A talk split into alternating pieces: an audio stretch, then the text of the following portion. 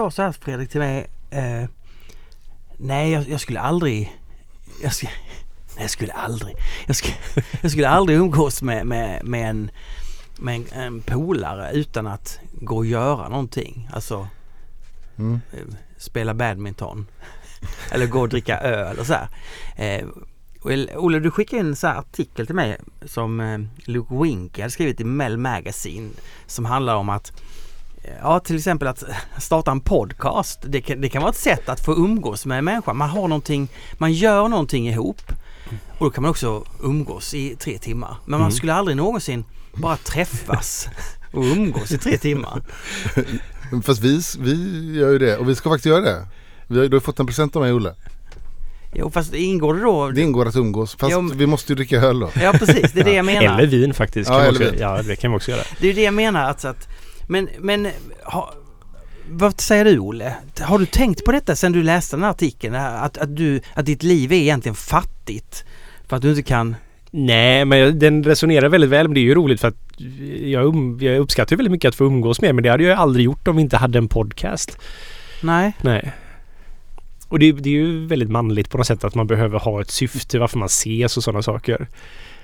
ja Ja. men, är- men, men vad beror det på då? Beror det på att va, va, Vad är det som är Varför kan man inte bara träffas och prata, prata, lite, prata lite om livet? Jo, det, det, det är klart man kan. Men det kan man ju också göra över en öl. Det blir nästan bättre då. Ja. menar om du pratar om livet över en öl. Ja, det... Till en viss gräns. Om du kör den här eh, måttfullappen Ja. tycker jag. Alltså man håller sig på en låg alko, alltså alkohol, eh, berusningsnivå. ja, absolut. Mm. Ja. För, för ju högre den blir desto mer pratar man ju bara om sig själv och upprepar sig och så vidare. Ja, och sen blir det bråk till slut. Nej. Nej men jag, jag håller med dig. Nej men på en eh, låg alkoholnivå så är det väl jättebra smörjmedel när man ska prata om livet. Men det jag tycker också var lite roligt med artikeln är det förklarar ju fenomenet podcast väldigt mycket. Att det finns ju alldeles för mycket podcast idag tänker jag. Och att många finns nog bara som ett så här ett en för, då- dåligt fördöljd grej att man bara vill umgås med andra personer men man måste ha en anledning och då har man hittat på att man, vi har en Mm. podcast tillsammans som ingen lyssnar på utan Men umgås du mycket med män utan att göra saker? Eh, inte mycket nej. Nej. Men jag kan. Ja, det,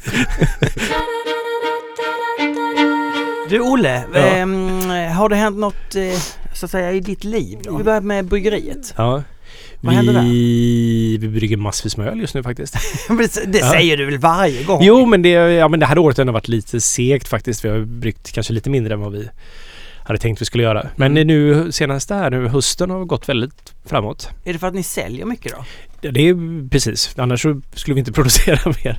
Nej men New IPA går jättebra på Systembolaget till exempel så det har vi bryggt mycket av och sen så Vi har ju faktiskt en säljare nu också så att i och med att jag kommit igång med fat igen liksom på krog och sådär så har vi sålt mycket fat och det hjälper ju faktiskt att ha en säljare när man ska så sälja ja. öl. Det är, Annars, jag, du, vem, kan kunde, jobba, vem, vem kunde tro det? det är, du kan jobba som jag gör med min musik liksom. Jag bara släpper den, säger inte Fredrik, du brukar ju klaga på mig att jag inte liksom vill att det ska sälja. Nej men jag skiter väl i det. Jag gör min musik. Det, så hade du kunnat göra Olle. men du är hopplös med det där. Du kan ju i alla fall försöka få ut det. Du behöver ju liksom inte bara Det är nästan så att du inte vill att folk ska höra det. Vad är det?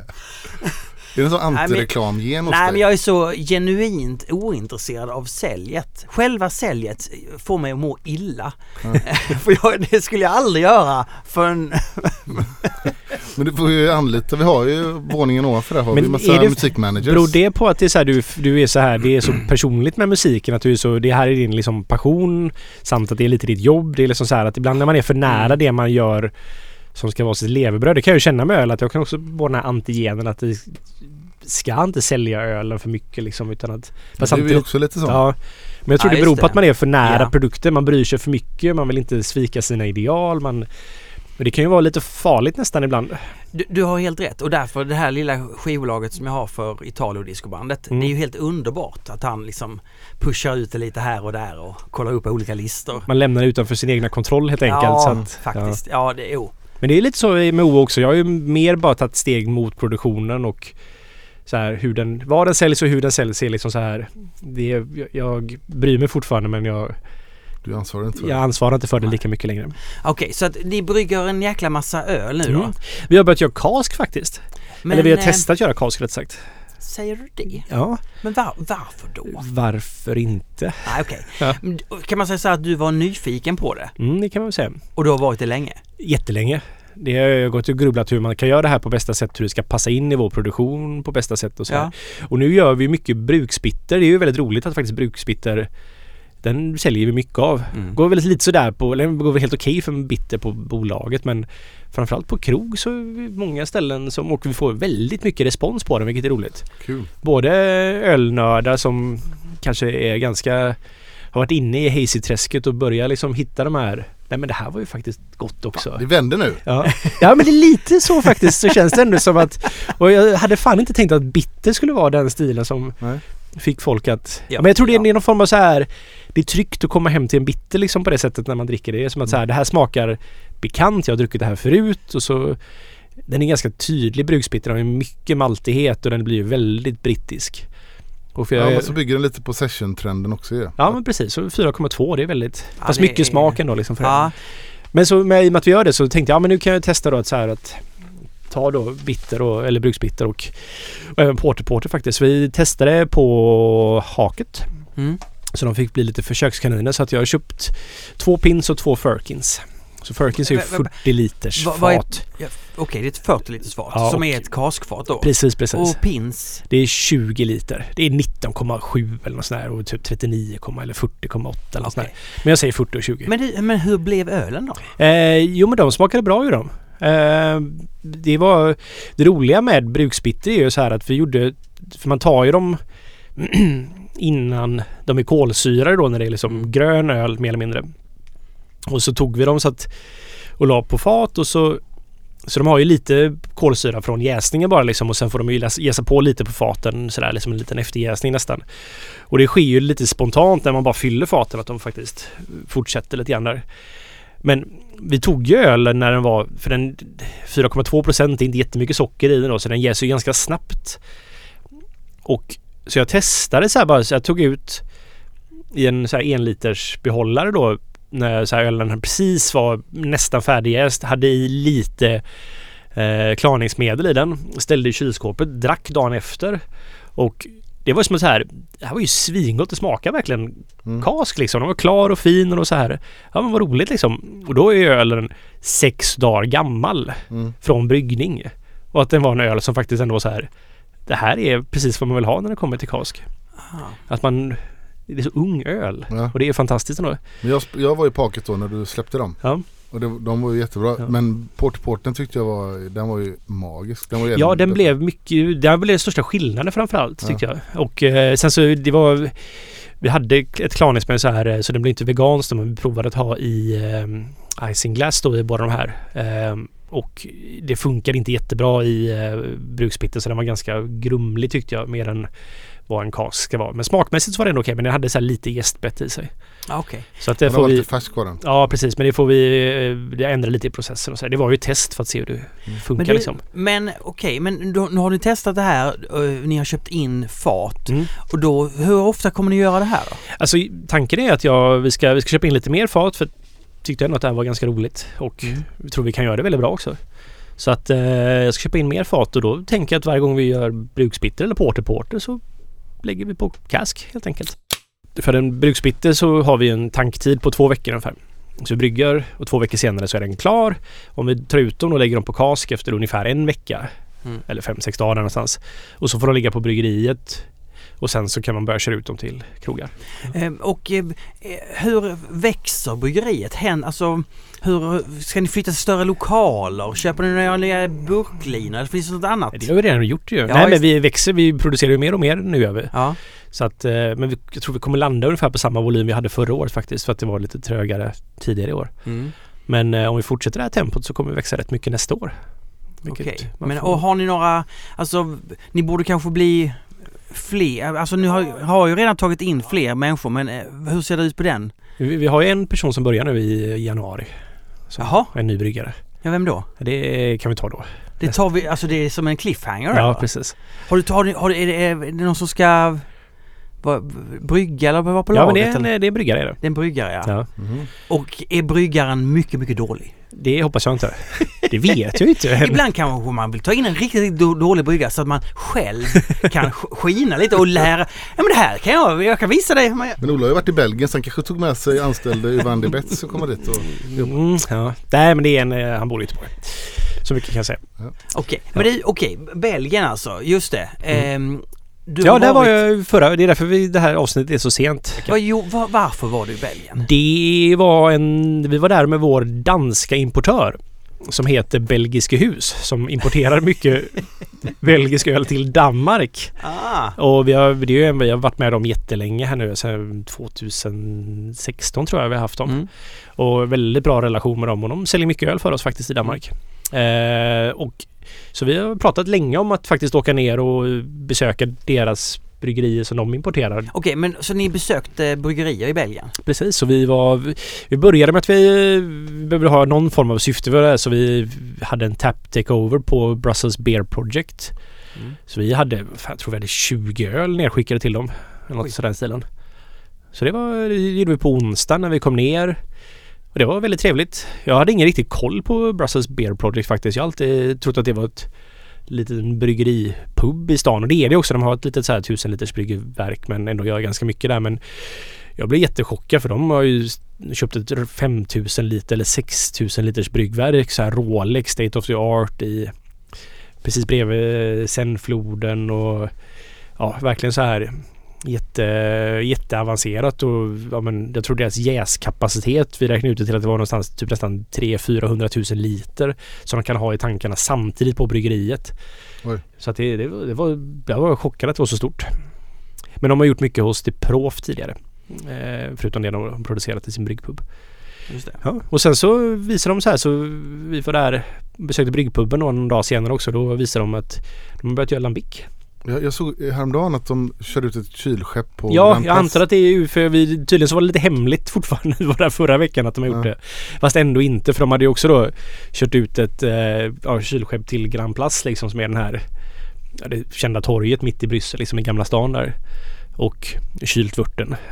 På Så- torget? Ja, lite jippo fånigt. Ja. Får jag ändå säga. Att det är, ja, ganska mycket jippo. De var, det är ändå ett väldigt marknadsföringsdrivet företag insåg jag också att de gillar. Och, men jättetrevlig personal som jobbar där och väldigt duktiga bryggare och sådär.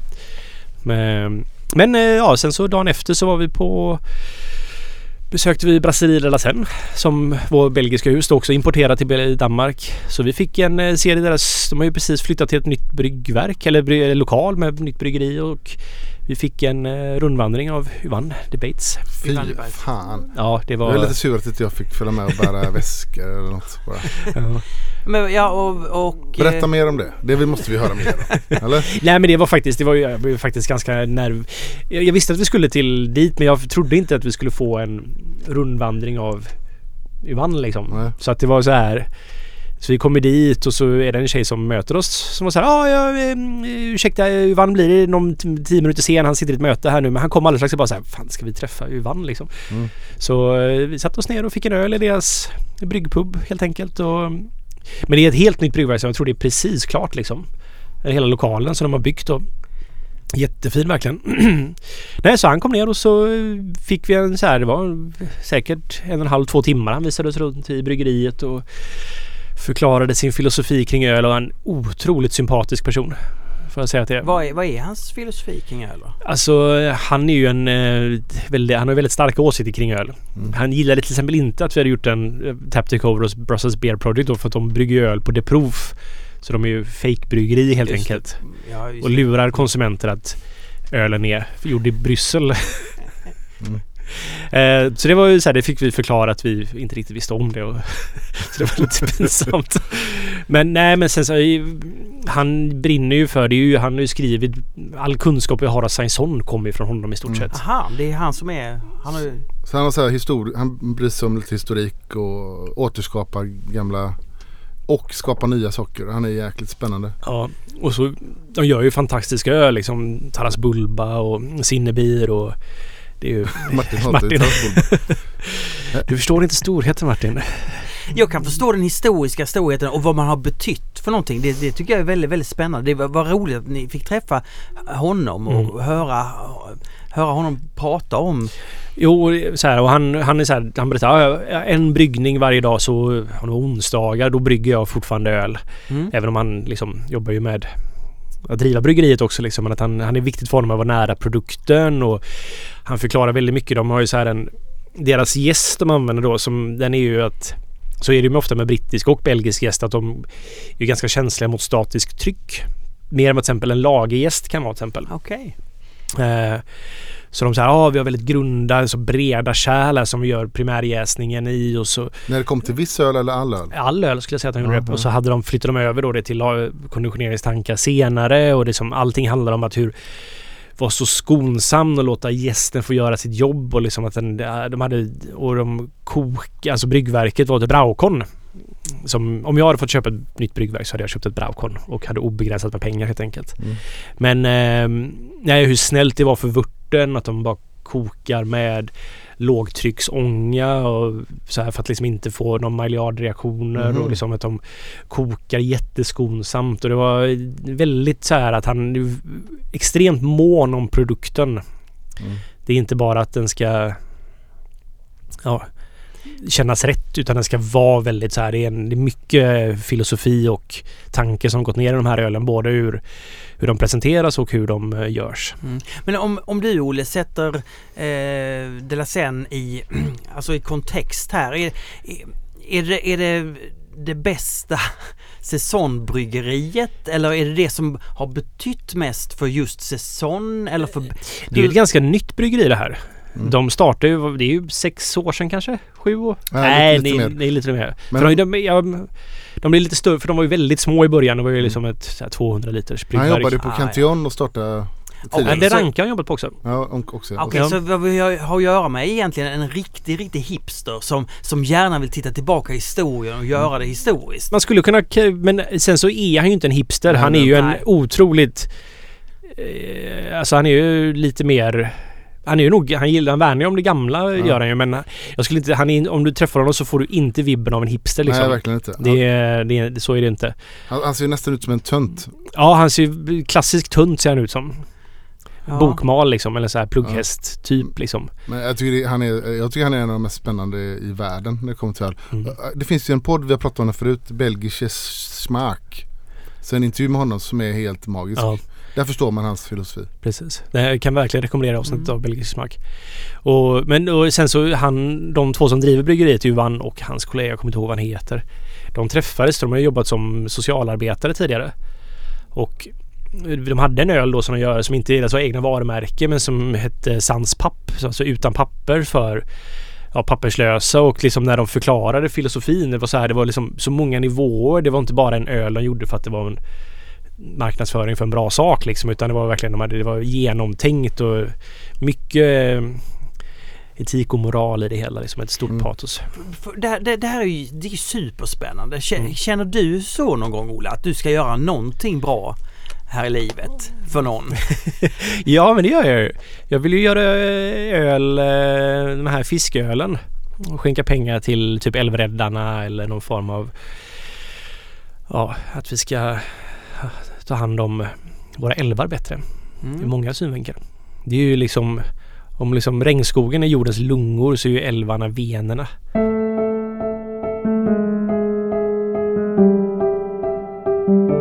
Ni var på fler bryggerier? Ja, så sen då, det var på torsdagen var vi på Della Sen och sen på fredagen så hade vi ett ganska späckat schema så då hyrde vi en bil så att det första vi gjorde var att åka ut till Bon. Det ligger ju strax utanför Bryssel och i sen ut med floden där.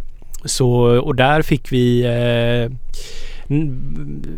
alltså Frank Bon som grundade Bon för sjut- på 70-talet är det va?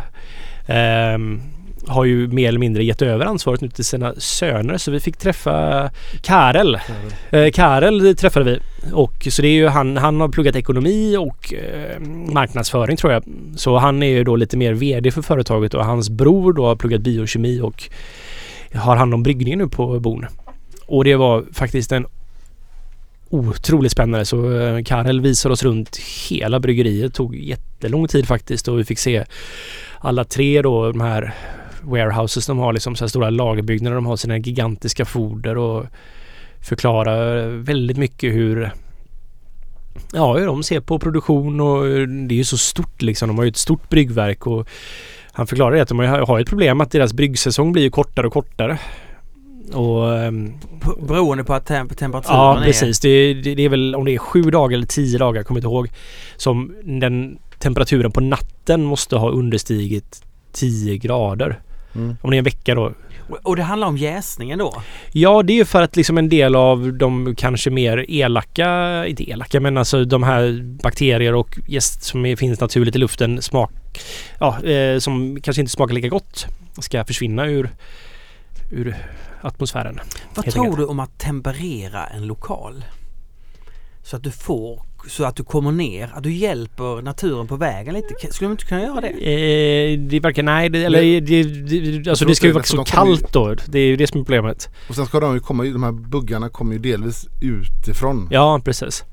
Men han, det är också väldigt roligt det där med för de har De har ett kylskepp som jag, om jag fattar det här rätt nu så har de ett kylskepp men det är liksom Så att när de fyller foder så är det ju flera batcher under en dag då som de brygger men det är bara en av batcherna de lägger i kylskeppet så den får bli som en startkultur. Men han berättade då att så här, ja men För det var ju då kylskeppet är fortfarande den gamla delen de hade gamla bryggverket som var, står kvar där som är ett så här gjutjärnsbryggverk verkligen. Ja. Men eh, för att mil, ja, Belgiens då miljö och hälsa ska godkänna lokalen så behöver de, eh, de behöver måla om lite då och då. Och det har de gjort nyligen. Och då tar den här eh, det tar lite längre tid för primärjäsningen att faktiskt ske. Sjukt intressant. Ja, Cantillon har ju inte målat om. nej, de... Men det är kanske för att det går som museum då. Men ja, precis. Det, det var, han förklarade det. Alltså Cantillon har ju museistatus. Vilket gör att de får lite undantag på de här livsmedelslagarna antar jag också. Ja just det. Ja. Intressant. Men det låter ju som väldigt, alltså att bon var kanske, var det då det bästa besöket eller vad? Eh, ja, det var, delvis var det det för att det var så Det var så personligt också här verkligen. Vi fick gå runt där så mycket och han var så öppen med allting och det var Det var jätteroligt så här så vid ett ställe så såg man att ett så här stort foder saknades. Han bara ah, nummer 78 eller vad den vi, vi har haft lite problem med läckage så den behöver repareras nu och så förklarar han att det är svårt med att hitta folk som kan då så här den Alltså traditionen av att hantverket att eh, reparera fat och speciellt så här stora fat. Och att det är lite så här och så Men vi har en verkstad nu den håller på med där de håller på att fixa det och så gick vi runt byggnaden när vi skulle till det nya lagerhuset då för foder. Så så gick vi förbi verkstaden och så gick vi in där och så började Karl prata med en person som var så här en äldre man som jag bara "Fan, jag känner igen honom. Han bara det här är min pappa Frank Born. Då stod han där i så här blåställ och reparerade ett gammalt foder. För han har ju fått lära sig det under, ja för att han har jobbat med det här. Alltså det var väldigt, eh, Häftigt. ja det var väldigt häftigt var Han kan inte hålla sig undan fast han är pensionär. Precis. Och jag gillar ju Bonsön väldigt, väldigt mycket. Den har ju, vi pratade lite om det i bilen på väg hit, att de har lite mildare syra och jag, jag, upp, jag, desto äldre jag blir jag har börjat uppskatta det mer och mer. Det är lite mer restsötma, det är lite Mm. rundare och det är liksom Ja, nej men det, och vi fick dricka då en öl som hette Apage tror jag den hette. Som eh, han var väldigt stolt över Karel. Det var eh, det är överlämningsölen kan man säga då som var att ja, det är Frank Boon som ger över då ansvaret till sina söner nu helt enkelt. Och den var väldigt, väldigt intressant var den. Så de hade blandat gammal öl med lite nyare helt enkelt. Som en symbolik. Häftigt. Ja. Nej, så efter, Bon så åkte vi faktiskt till DuPont. Så där träffade vi någon person som, jag vet inte, det, var inte, han visade oss en standardguidning av bryggeriet ganska snabbt. Men det var väldigt roligt att se eh, DuPont och få gå runt i de här jäskällan då med de här deras, och det är väldigt roligt för det här Bon har ju samma filosofi kring jäsningen att man jäser i grunda kar. Inget så här liksom Inga höga kar utan det är så här grunda breda så gästen inte får något statiskt tryck och så här och när man gick runt där och tittade på det så här de olika jäs, de, de jäser ju, de de är uppe i 35 grader liksom. Ja det var det. Så det är Och öppen, eh, så, var det öppen Nej det är inte öppen utan men det är liksom det är fyrkantiga kar som är inmurade i väggen. Jag vet Ja, faktiskt inte hur det ser ut på insidan där men Nej. jag tror det bara är att Men de får ju bubbla ut fritt liksom. Okej. Så det är inte öppna kar utan det är ett tak på dem. Men de Ja, var inmurade i väggen allihopa. Ja, ja. Och så ehm, Ja men det var ju jätteintressant att få gå runt och så hade de en, så här, en drive-through som jag tyckte var väldigt roligt på DuPont. Så folk stod i kö Ja, med bilar öl. och köpa öl då i, så de har startat nu under pandemin för att folk ska kunna. Ja. Och sen efter DuPont så åkte vi till Deranke som inte låg jättelångt bort. Eh, så där fick vi också en rundvandring och de har ju också samma filosofi där liksom men att eh, använda hela kottar i bryggningen liksom. Fort bara? Ja, i stort sett. Åh fan. Ja, det var... Eh, vi fick titta ner då i deras eh, kokare och det var så här i botten bara låg sån jävlar vilket jobb det måste vara att få ut alla de kottarna liksom. Ja. Och så... Ja, nej, men så, och sen så fick vi sitta i deras bryggpub och så snackade vi med Nino som är en av grundarna till bryggeriet. Han var otroligt trevlig. Så det var en... Och det ranka, om du ska skilja dem, nu börjar vi komma upp så många bryggerier. Hur, hur, hur länge har Deranke funnits? Dranka har funnits sedan 80-talet tror jag Ja, det. det, Ja. det är inte heller så gammalt. Nej. Det De tillhör den Nej. nya vågen av bryggerier som Men också väldigt tydligt när man pratar med Nino är att han har en väldigt tydlig filosofi med hur de ska göra öl och viktigt att inte bli för stora. De gjorde väl en typ 700 000, 800 000 liter men att det handlar, man får inte bli, man får inte tappa fotfästet och alltså behandla gäst med respekt. Nu använder de ju torrgäst. Ja det är så. Ja. Som, men två sorter sa han. Och det var väldigt, jag ångrar för vi var inne i deras kylcontainer där vi fick Ja. lukta på då. För de köper ju humle fr- från Poppringer. De har två farmar. Tror de köper lite från Slovenien också för att komplettera. Men, så det är ju hela kottar som de får i balar. Så de bara står inne i deras kylcontainer. Så de köper ju allting en gång om året. ja det är så. Oj. Åh fan. Eh, Men och det, så... men de sa Ja, ingenting om gäst, vilken gäst Nej men det, jag såg ju fermentispaketen stå där inne. Jag skulle Ja. bara liksom lutat mig lite framåt och tittat vilken gäst det var. Vilket jag ångrar mig väldigt mycket att jag Det inte som är roligt med, om man backar lite för Delasen och deras gäst, det är också, Ja. det, den är väldigt hemlig. Precis, precis. Deras huvudgästen har ju fått, får han från något belgiskt bryggeri. Ja, nu propagerar de själva men Ja, han har ju, från början. Ja, han har tagit den någonstans från början. Och sen deras brett finns en rolig story att eh, han Mm. fick en flaska av en tjej på en fest, gatufest. Precis, precis. Hembryggare Ja. som Och så var den eh, infekterad fast jag tyckte den var jävligt intressant. ja, så han har kultiverat den Kultiverat också. den ja. Och jag drack eh, faktiskt en, eh, de har gjort en säsong med den brätten i bara. Okej. Och den var jättegod var den. Väldigt härlig. Det var inte för mycket funk men precis lagom funk. Deranke, vad, vad är deras specialitet? Är det säsong eller är det... Har, Nej, de har ju en öl som heter XX Bitter. Som är en av mina absoluta Ah. favoritöl. En eh, välhumlad belgisk pale ale kan man väl säga att det är. Okej. Otroligt eh, lättdrucket och det kan vara så här, jag kommer ihåg vi gick till en ställe och så bara så här, oh de har XX Bitter på fat här. Och så jag dricker den oftast när den är lite, när man kommer hit, den kanske inte är lika färsk och sådär men att den och så här då fick man ju superfärsk och man bara såhär jävlar vad bäst det här var ändå. men när man druckit några klunkar så tänkte man inte det minsta på det utan det var så här, var mycket humle och alltså så här, bra gästkaraktär och Mm. ja.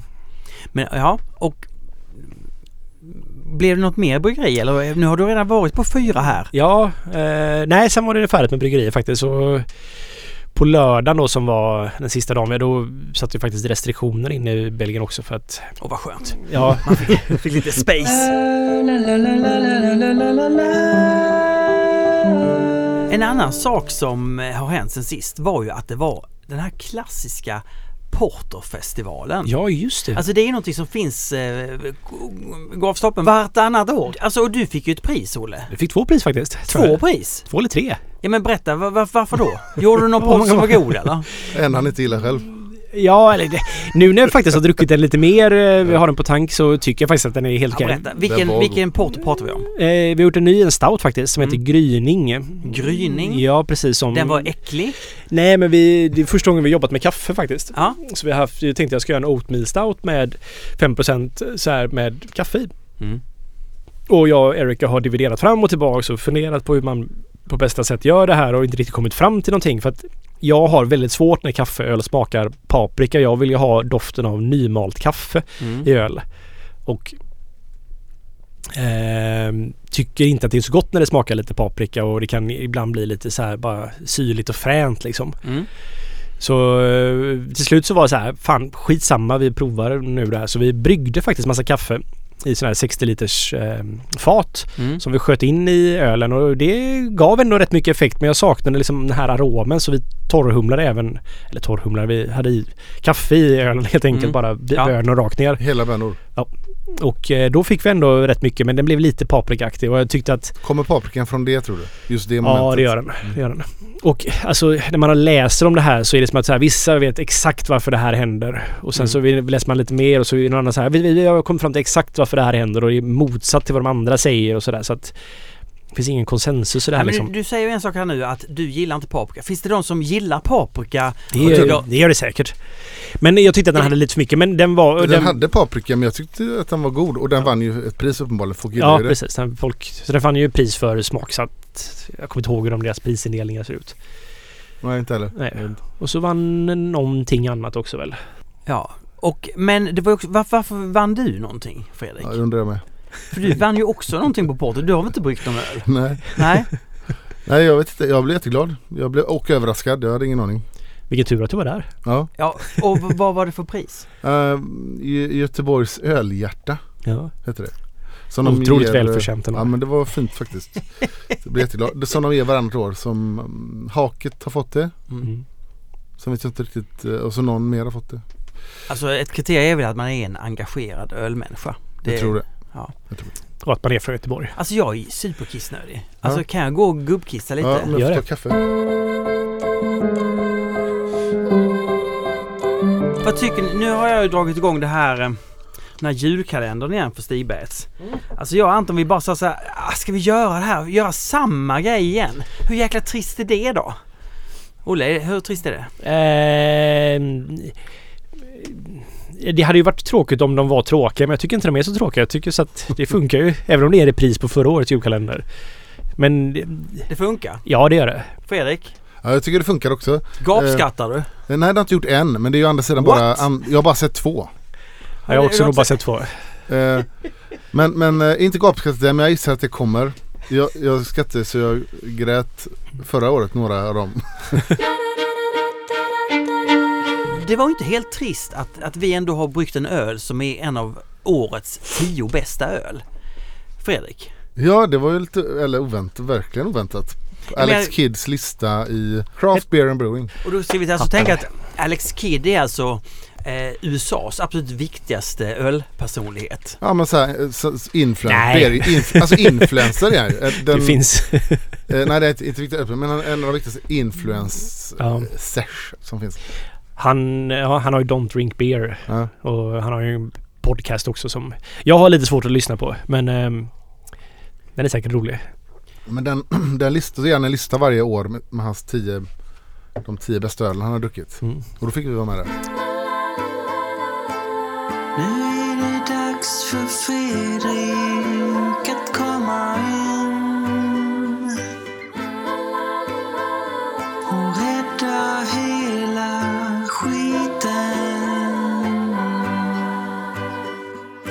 Du Fredrik, vad roligt att eh, du har kommit in i studion. Ja, tack, Ja. tack, tack. Du undrar jag, alltså vad har du druckit för något gott sen sist? Vad, vad har ditt liv innehållit i? Gott, gott. Det, kommit, alltså jag, det, det kommer ju bygga vidare på Fantom, deras eh, vanliga säsong, originalsäsong, Classic, kommer ju på bolaget. Den har jag druckit. Eh, Och Delasens säsong kom ju också för ett par veckor sedan. Ja, det var väldigt eh, roligt. För vi pratade rätt mycket om den när vi träffade varandra faktiskt. Ja. För jag sa att jag tyckte att den var så fantastisk och han var själv väldigt nöjd med den också. ja, den är ju grym. Och, Ja. det, det är lite så Är det, här, går den att dricka? den är helt magisk. Ja, den är jätte- Jävla dumt att vi inte hade med den. Men den, den som, det som är roligt med det ölet är ju också att han har gjort en massa säsonger och sen så har de ju haft olika namn. Nu kom det här, den heter bara eh, Brasil de la Seine säsong. Alltså då förstår man, ja ni fattar grejen. Ja.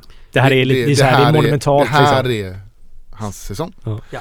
Och, och den är en, eh, och i det finns en Det är en mix. kumula- kulmination då av liksom 20 års arbete tänker jag. Ja, så det är tungt. Och i det finns det en eh, skvätt eh, Cantillon. Eh, Han har i eh, Cantillons, eh, jag vet inte om han har i lambicken eller om det är gösen men Jag skulle gissa till en Alltså, kan ha i hans Om grundöl. nu, om nu den här Yvan de Betz, Betsen, Ja. Om han nu tyckte det var så väldigt jobbigt att du var, hade varit på prov. men han plockar i lite Cantillon. Jag tar någon som någon annan har gjort till perfektion Nej, och men- så häller i mitt öl. Det det- är väl att det, jag menar han får ju brygga sin egen Cantillon-version eller något och Ja, hälla men det, i. det skulle han aldrig göra av ren respekt tror jag. Ja, nej det ska jag inte Nej. göra. Av respekt. nej. Och, Alltså dubbelmoral. nej, inte. Dubbelmoral. Ja. För jag vill bara tillägga en grej. Drack faktiskt, eh, det finns ju Cantillon Gös på fat i eh, Bryssel. Ja, Ja. och det är även uh, Sheridan har funnits på fat. När folk började skälla på mig och Olle när vi gjorde våran lista över vår favoritbar, vad de skulle Ja, för öl. Och så ja. skrev vi att vi hade en gös på fat. Mm. Ja. Och det finns ju inte tydligen. Fan tyckte folk, det finns Ja. inte men det finns visst. Det, det finns visst det. Ja. det var fel, fel, fel.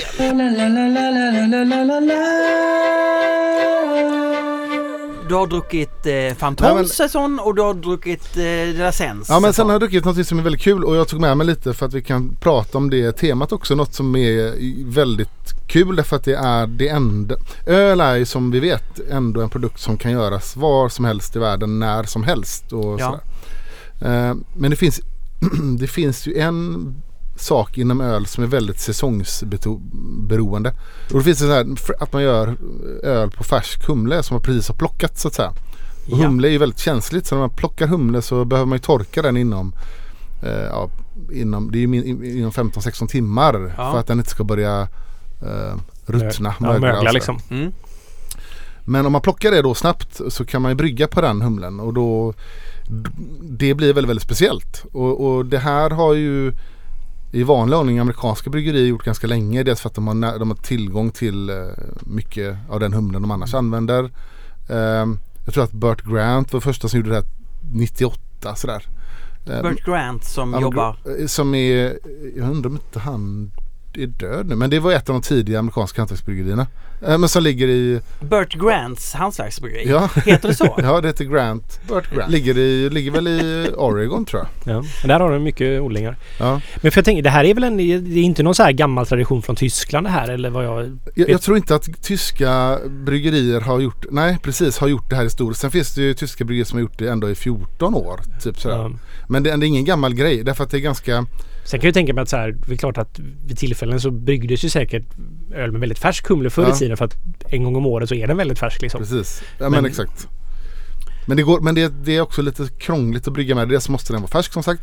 Ehm, du behöver väldigt, väldigt mycket av den för Mm. att få ut samma effekt som du får av torkad humle. Eftersom, Och du får inte samma effekt Nej. av torkad humle. eftersom det är så mycket vatten i så, får, så försvinner ju väldigt mycket när du torkar dem. Då koncentreras ju Men, det, humlen. ja, men det Mm. för, alltså, att du nu tar upp detta, är det för att det har liksom varit lite hypat just i år eller är det för att gör du detta varje år? Försöker Nej men jo, på... ett, jag köper, jag har gjort det i många år, köpt en tysk som är ett av mina så här favoritöl inom det här. Vi ska prova den nu. ja. Som är Grünhopfen Pils från Schönrammer. Eh, den har jag köpt men sen har ju svenska bryggerier inte riktigt gjort det här. Det var ett, Vi har ju inte haft möjlighet att göra nej, det. men det har, vi har inte riktigt haft, eh, men nu har det kommit upp en del lokal, eller som svensk humle. Så senaste två, tre åren är det en del bryggerier i Sverige som har gjort det här med svensk humle. ja. Men du, Mm. kan vi inte prova den här Grünhopfenpils som du har druckit genom alla år så kan Nej. vi ju ta en bedömning. Men 10 år. Och eh, det får en, lite- får en liten grön karaktär. Det får lite så här, de är lite, den är lite vegetabilisk, den kan, lite småkärv. Så att jag, den har en ganska spännande karaktär. Plus att det här är ett ganska beskt öl. Lite svavlig är den Mm. men eh, det är uppskattat men det känns ju färskt. Men jag tycker att det här är så jävla gott. Ja det här var jättegott faktiskt. Vi på Dranke så drack vi deras Wet Top. Som var då väldigt färsk. Otroligt gott var det. Ja det. De har ju Poppring eh, ganska nära sig så de har ju... För regeln för det här med wet hopping är att det ska vara mindre än 24 timmar sedan det skördades så ska man brygga med det. Så de hade ju, en av bryggarna hade åkt dit och bara hämtat och kört tillbaks Kört tillbaka, med det. ja. Och så Ja. hade de bryggt då. Det var jätte, jättegott var det Mm. faktiskt. Eh, jag har alltid tyckt att wet hopping är lite överskattat på något sätt liksom. Jag har druckit ganska mycket wet hopping som är sådär och känns mer som en marknadsföringsploj lite grann. Mm. Men eh, jag har lite faktiskt reviderat och det är faktiskt väldigt gott när det är Ja. bra. Det är det. Men låt oss, ta, Mm, låt oss ta den här Grünhopfenpils. Olle, vad, vad känner du? Och som du jämför med, med en vanlig tysk pilsner och den här. Vad, Mhm. vad får du med den här? Den har ju en... Aromen blir ju ganska unik för man får en väldigt så här... Det är en väldigt vegetabilisk det är ju en grön, det smakar, eller det luktar grönt, ganska odefinierat. Mm. Jag skulle inte kanske dra det direkt till humle. Utan det blir ju Nej. mer klorofylligt på något sätt liksom. Och vet man om, alltså det kanske kan, det är väl det som jag kanske tänkt på tidigare att det är inte sådär det inte var förknippat med humle och det kanske blivit lite off-putting på ett sätt liksom. Men nu när man vet vad det är och liksom har lärt sig lite mer vad det handlar om så tycker jag att jag uppskattar det väldigt mycket. Ja. Och, och det är kul för att det är just en säsongsgrej att det här ölet smakar ju så här nu och ett tag till innan den börjar bli trött och sådär. Och, så det är en väldigt Tyckte unik också det, det hade en väldigt färsk, fräsch Mm, ton. Nästan lite uppkäftig liksom. Mm. Jabba mig i ansiktet. Jag håller med dig. Ja. Lite så, lite tuff kärv fast god. Och eh, hög beska. Mm, alltså like hög beska behöver, man inte, behöver inte vara dåligt. Det är ju alltid bra. I pilsner i alla fall. Eh, men, Eh, mm, det, alltså, ska bara, jag gott. det ska jag säga att ehm, Lukas sa att Pivot Pils är så jävla bra nu. För beskan är nästan helt sjukt hög. Exakt. Den är ganska hög nu. Ja, och han bara sa shit alltså Olle! Han, han sa inte riktigt så, men jag, men jag, jag såg det. Du såg att han tänkte det. ja, ja, ja, ja, ja. Att, Ja, jag, men jag fick samma känsla på haket när jag drack för jag kontaktade Olle och sa det då. För, för då, ja, den var så jävla besk och den har aldrig varit så god. Och då berättade han att de har höjt beskan lite. Det har vi gjort. Vi har, gjort var- den, vi har gjort den lite kantigare kan man säga faktiskt. Det är bra, det är bra, det är bra. Ja. men det var ju Lite inspirerat av Fredrik faktiskt. Ja, men det- jäkligt härligt att få in den i de här glasen där det står Red Lion. och- de blev ju och- jättefina de glasen tyckte jag. Vad kallar du de glasen? De kallas för... Det är en superklassisk eh, sejdel som det är ju både tysk och... Oj. Med, med facetter och grejer. Ja men det är, så här, det är ju en sån klassisk kasksejdel man hade i Storbritannien på 50-talet också. Det är ju Ja. bara en klassisk öl. Ölglas helt enkelt. Det här var jättegod Fredrik. Verkligen Ja, jag, jätte, jättegod. Jag, tycker den är super. Eh, så den och, och det här bryggeriet och de, det tar slut ganska snabbt när de säljer det här. Mm. Så jag sk- skriver till det här bryggeriet och frågar när kommer den, när kommer den? Eh, och då har de ju svarat så här, ja men i, i mitten november. Och så, me- så mejlar de i mitten av november, har den kommit? Har den kommit? Nej, nästa vecka. De, de märker att de är lite trötta på mig. Så att eh, man får skitsnabb, sen tog den slut eh, direkt. Eh, Tror du det här tyska bryggare och lite så här, "Ah, fan har ni snackat med han Fredrik eller? Som du har jag tror inte att det här är en stor grej i Tyskland. Det är inte många bryggerier som gör detta. Eh, lite grann för att humleodlingar i Tyskland har ju varit väldigt mycket av en eh, eller det är ju produktion av humle. Och det berättade han, eh, så vi kommer sen lyssna på en intervju med en italiensk bryggare som berättade när han åkte ner till de tyska humleodlingarna för att titta och känna på humlen. Så tittade de på honom som att han vore dum i huvudet. Mm. Tyska bryggare kommer inte ut i humlefälten och luktar på humle utan de köper humle. Jag förstår vad jag menar. Det var, så att man har inte tänkt humle som en sån färskvara där man ska jobba på det här sättet. Så det är lite ovanligt. Ja precis. Men, men ni har gjort, Stigberget har gjort eh, någonting det, det är ju ganska många bryggerier i år som har gjort uh, wet hopping. Vi fick ju frågan också av Jack Iemar Chief då. Vi tackade nej faktiskt för jag kände att det här var en PR-jippo-grej. Okej. om man ska vara helt ärlig. Och för det kände det var lite så här, ja men då ska ni posta. Men det var lite så här, man hade lite krav på sig också. Jaha. Som jag inte... Och så kände jag så här att shit vad många bryggerier som kommer göra det här idag. Jag tycker det är alltså så här. Det är jätteroligt att de som har tillgång till lokal färsk humle kan göra det här. Ja. Så när Yakima då har... Det här är ju flash frozen så det är ju fruset inom 24 timmar. Just det. Och sen så har det skickats ut då till bryggerier så att Yakima har ju valt då bryggerier som de vill arbeta med där han får prova det här. Okej. Så, och jag kände att det Så här det var första året de kör, Ja, det här är första gången de hade den produkten. Och jag kände väl att det får, vi, hoppar den här Ja, gången. jag fattar. Ja. Men rätt dyrt förstod jag också att det var. ja, man behöver ju sälja mycket i början man ju. Ja. Så det blir ganska dyrt. Så att, eh, och det var också en anledning när man säger ah, ja men då får vi köpa det här för lite... Men de bara, nej. Ja, okej. ja, det var så. Ska vi marknadsföra den här produkten åt er? Ja, okej, ja, då förstår jag. Ja. Nej, nu låter jag... Men det... Nej, jag fattar. Nej, men det var roligt. Men eh, ja, vi tackade nej till faktiskt. Och, eh, för jag visste inte heller vad man skulle göra. För jag, man vill ju inte göra... Det här är ju någonting man har liksom... Ja, vi, vi skulle kunna ha det i hopbacken men hopbacken hade varit för lite. Man vill ju ha det så sent som möjligt i koket. Det är väldigt svårt att ha det i... Alltså vår brygg... Alltså kokaren då. Där skulle vi inte kunna ha humlen eller whirlpoolen för att det skulle inte gå att få ut vörten efter det liksom. Så ofta använder man ju ett mässkaret till ett, som en silplåt för att få ut vörten till exempel. Och då vill man ju inte torrhumla ölen heller. Nej, jag fattar. För då maskerar man ju all den. Fast jag tycker att det är lite fake när man har frusit det. Det är ju inte riktigt wet hopping. Nej, en del Det menar att det inte är riktigt wet hopping. Jag tillhör den Varsågod. skalan då. Jag, ja, och när jag var ehm, här på, på Ringöbryggeriet, Stigbäcks Ringöbryggeri, eh, så var den ju då tinad och det var ju helt, kändes ju som helt färska Mm. eh, Ja. humlekottar. Eh, det finaste var att se Andreas Görtz dofta på de här och som sen också sa att Ja, det är precis som att jag har liksom pånyttfötts som eh, bryggare på ett sätt för att jag har upptäckt, jaha det är det här humle är på riktigt. Nu fattar jag. Det här är ett annat öl från eh, eh, en fresh hop som Hyllie har gjort med Mandarina Bavaria. Och Hyllie hade ju en hum fresh hop festival förra helgen. Den 27 november. Då de hade en del eh, bryggerier som var där som hade med sig fresh hop. Omnipollo och Frau Gryber har gjort en öl ihop. De var där bland annat. Så, och var kommer den här humlen ifrån då?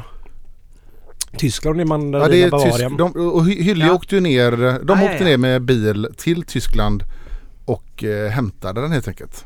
Eh, och körde hem och bryggde samma dag. Mm. Så att de, de har gjort det som jag tycker är ganska spännande som ingen har gjort tidigare i Sverige. Att man, att man kör bil till Tyskland, hämtar den och åker tillbaka. Det är ju lite lätt, lättare i södra Sverige. Ja, såklart. precis. Ja, nu drack vi en- en väldigt eh, bra Grünhopfen Pils tidigare. Mm. Om vi ska jämföra den här nu då med den lite grann. Jag gillar den här också. Ja. Jag skulle nog säga att jag föredrar grundölet i den andra Grünhopfen Pils lite mer än det här. Det är... Den här var lite eh, pappigare skulle jag säga. Eh, den har inte riktigt jag, jag Grünhopfen är ju min favorit men det har det ju Mer det druvsmaken där. Men den är mer, jag tycker att den här har en ganska härlig, eh, också så här grön vegetabilisk Mm, touch.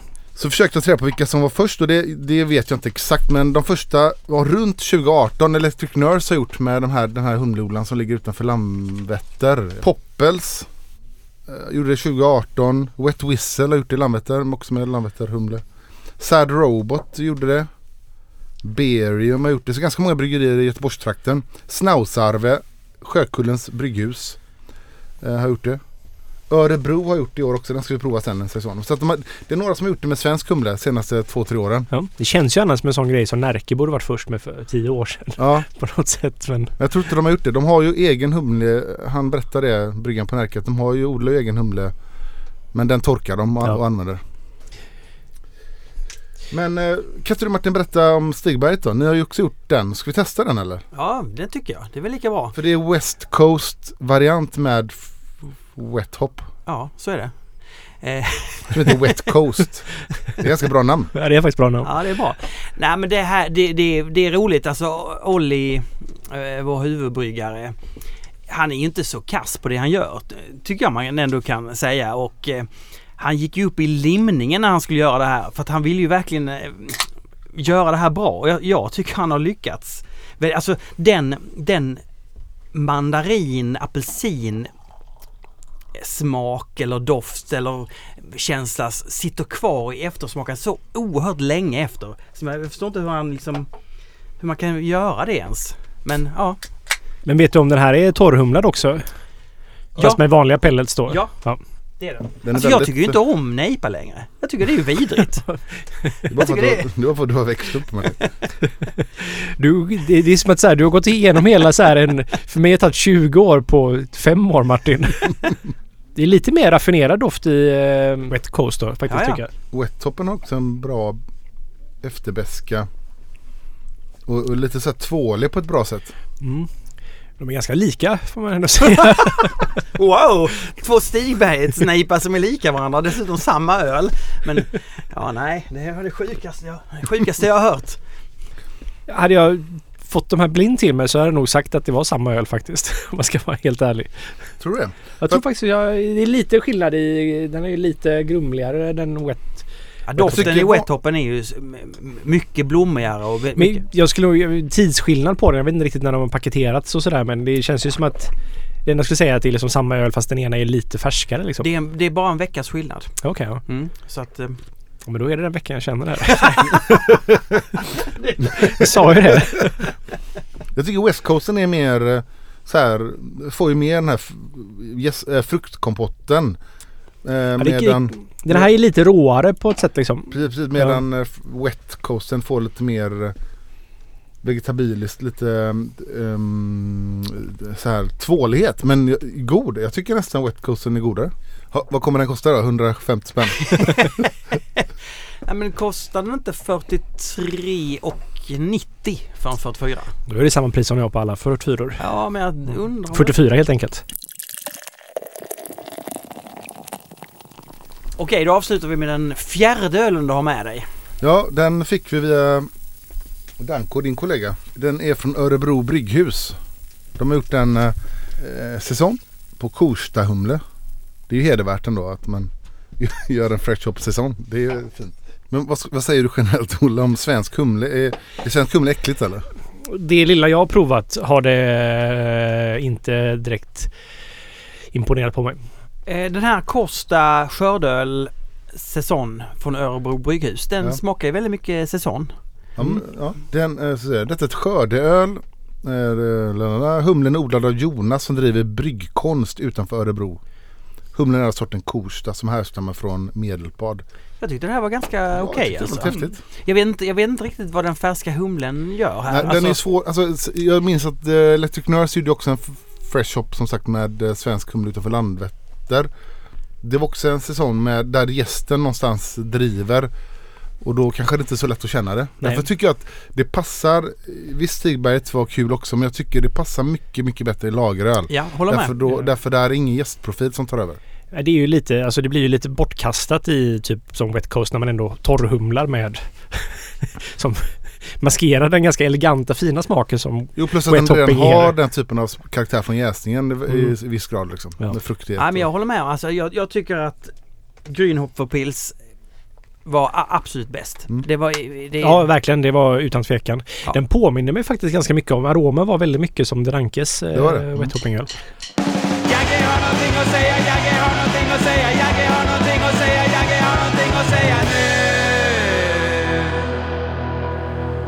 Ja, hallå ja.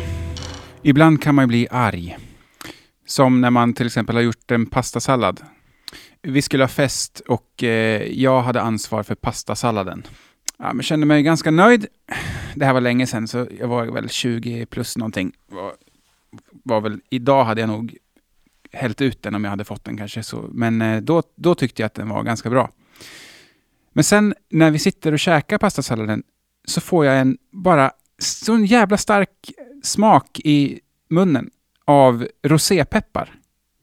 Och alla vet ju att rosépeppar smakar skit, så jag typ ställde mig upp och bara, vem i helvete har lagt rosépeppar i salladen? Nej, nej, eh, ingen. Och det var ju bara jag som hade gjort salladen, det var ingen annan som hade varit i närheten av den. Men jag, jag fattar verkligen inte hur, var den kom ifrån. Tills jag sen kollade på fetaostburken, för vi hade köpt sån här inlagd fetaost i olja.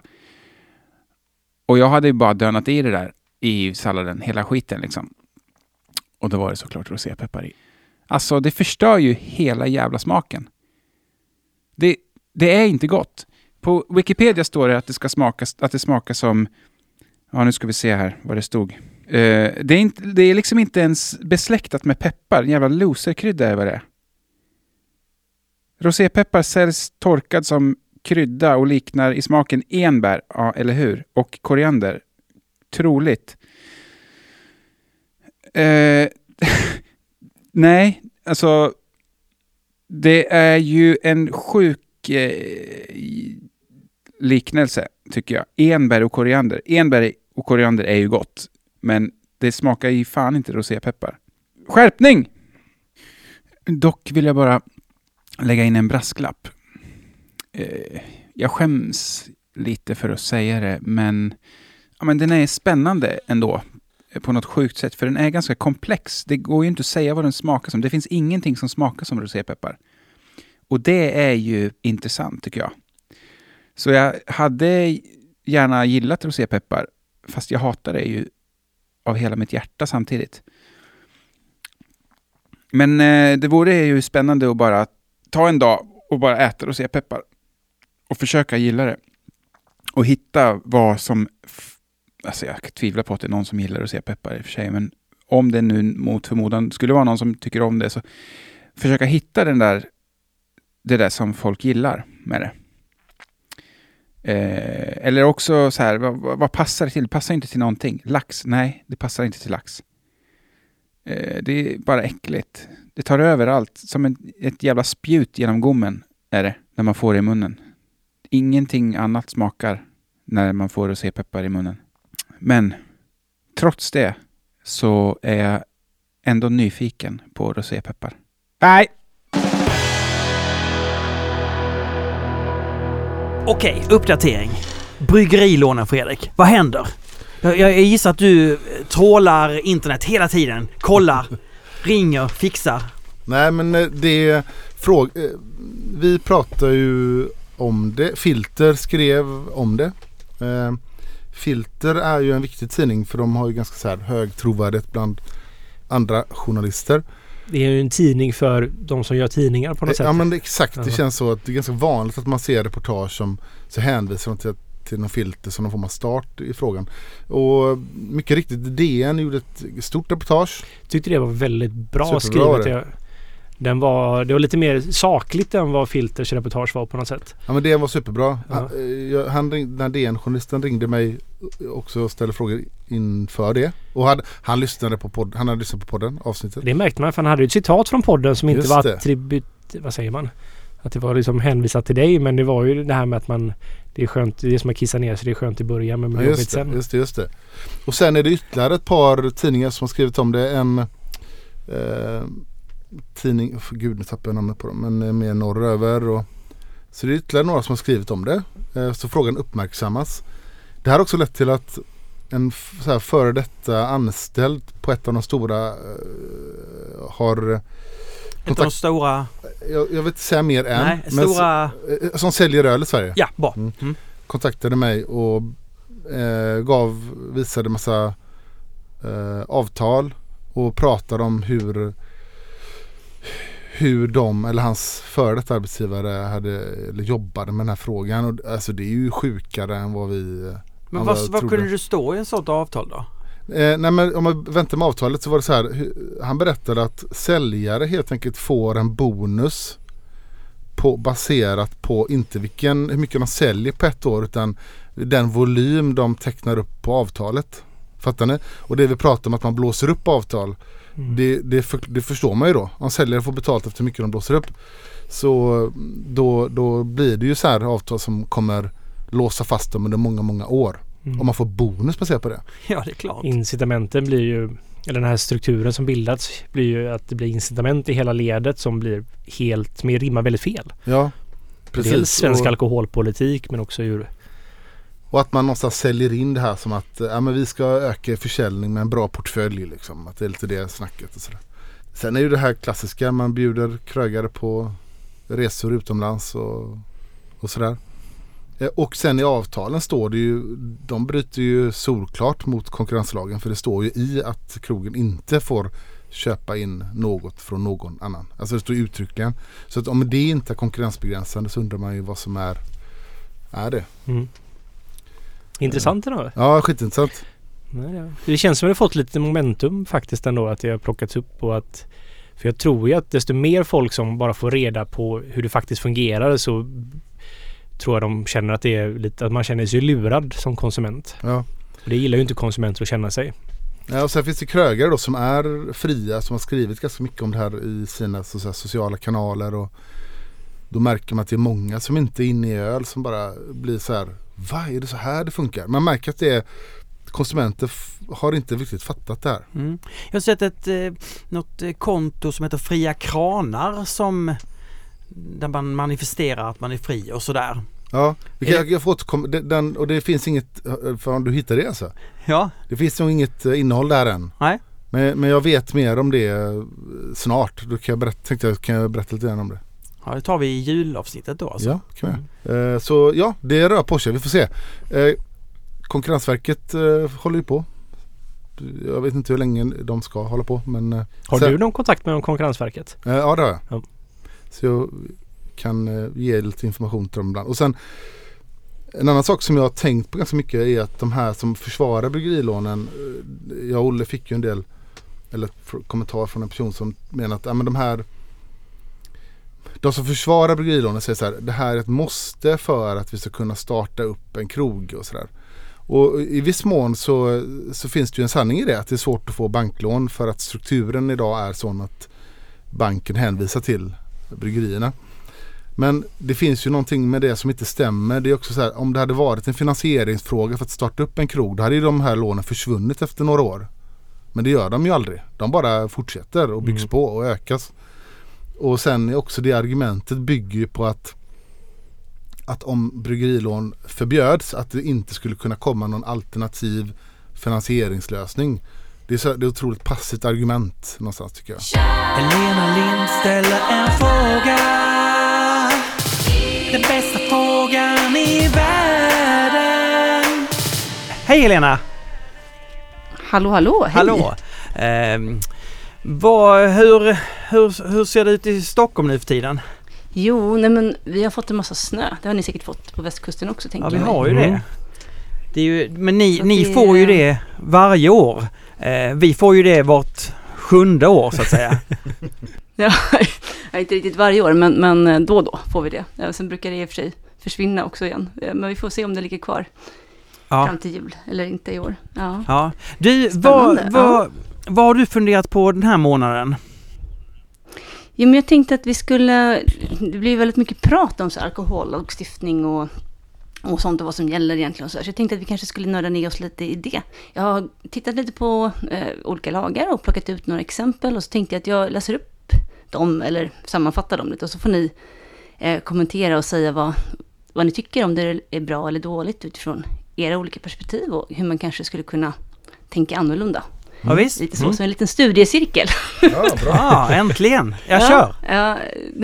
Men Fredrik, vad säger du? Har du några förslag på hur man, hur man kanske kan återkoppla från er sida? Nej men jag tänkte, ja, jag tänkte du, du, om du bara läser och berättar lite vad det här innebär. För du kan det där bättre än vi, hur man ska tolka sådana texter. Om de nu är torra lagtexter. Och sen så säger vi så här mellan 1 till 5, hur rimligt är det här? 1 är så här, nej men det här är helt orimligt. 5 är, det här är väldigt rimligt. Är det bra eller?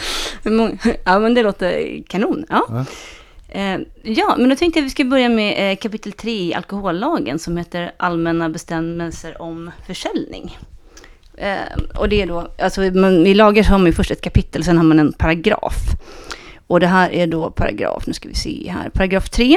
Eh, nej, vänta, paragraf 5 går vi till, den är mer spännande. Och då heter det då försäljning av alkoholdrycker och alkoholdrycksliknande preparat ska skötas på ett sådant sätt att skador i möjligaste mån förhindras. Och den som, eh, den som tar befattning med försäljning av alkoholdrycker, eh, alltså den som säljer alkoholdrycker helt enkelt, den ska se till att ordning och nykterhet råder på försäljningsstället. Vad tycker ni om det? Ja, jag tycker fem.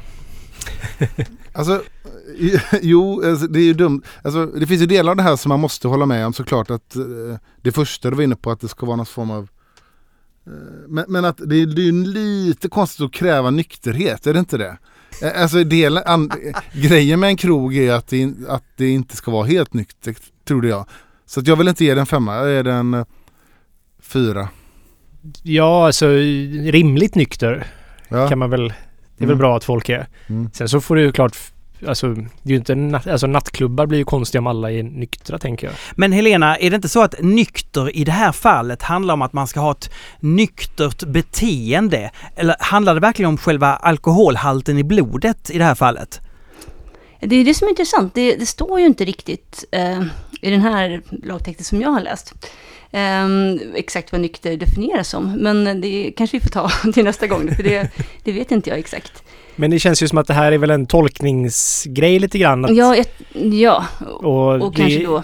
det, hur det faktiskt är i praktiken tycker jag är ganska rimligt. Det är väl bra att det finns en form av det här är vad vi eftersträvar men det är inte benhårt liksom.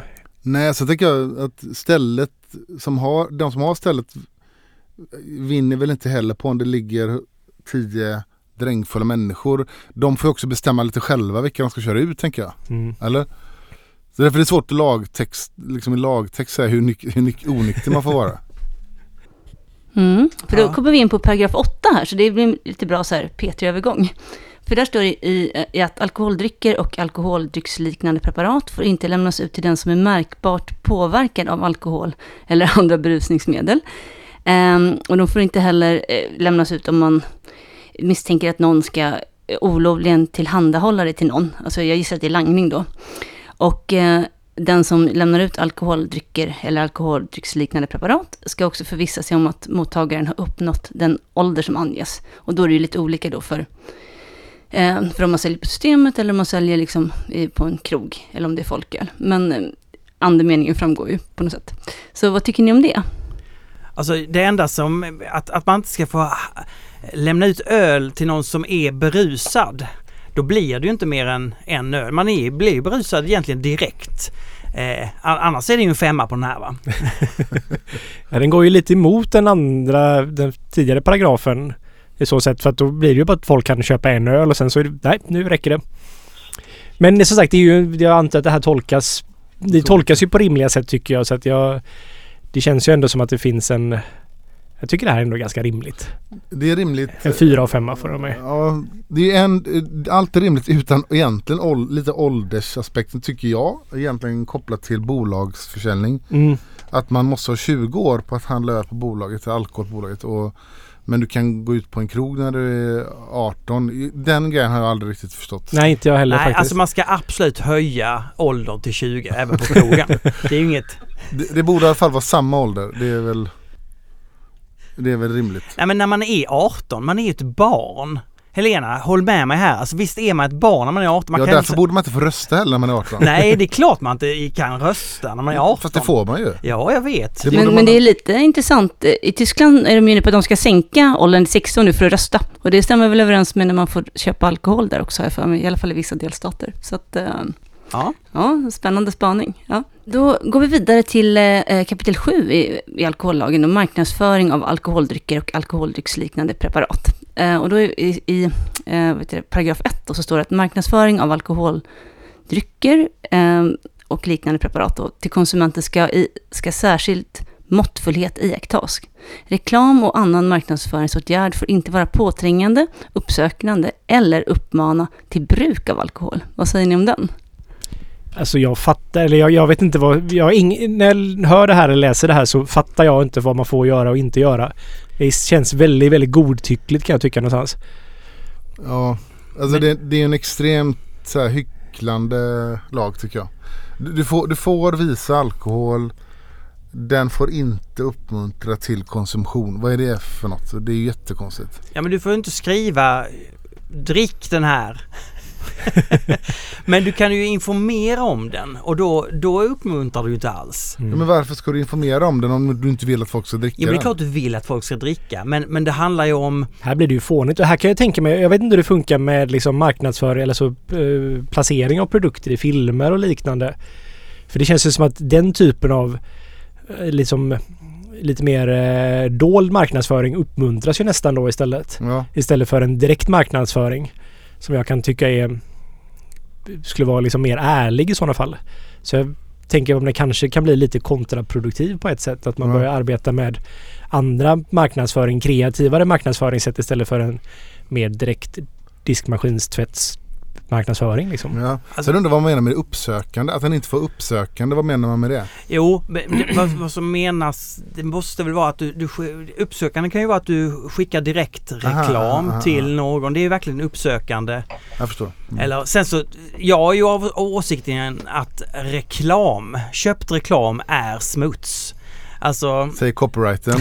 nej men det är ju, det är ju, vi smutsar ner vårt samhälle på ett vidrigt sätt. Att varför ska jag behöva titta på de här olika sakerna? Jo, för det ska ge, generera pengar till... Det är ju så att redan där är, är det ju stopp för mig va? Är du som gör reklamfilmen till Stigberget va? Det är inga reklamfilmer? Det är informationsfilmer. Inte, information är det. Du uppmuntrar inte till konsumtion.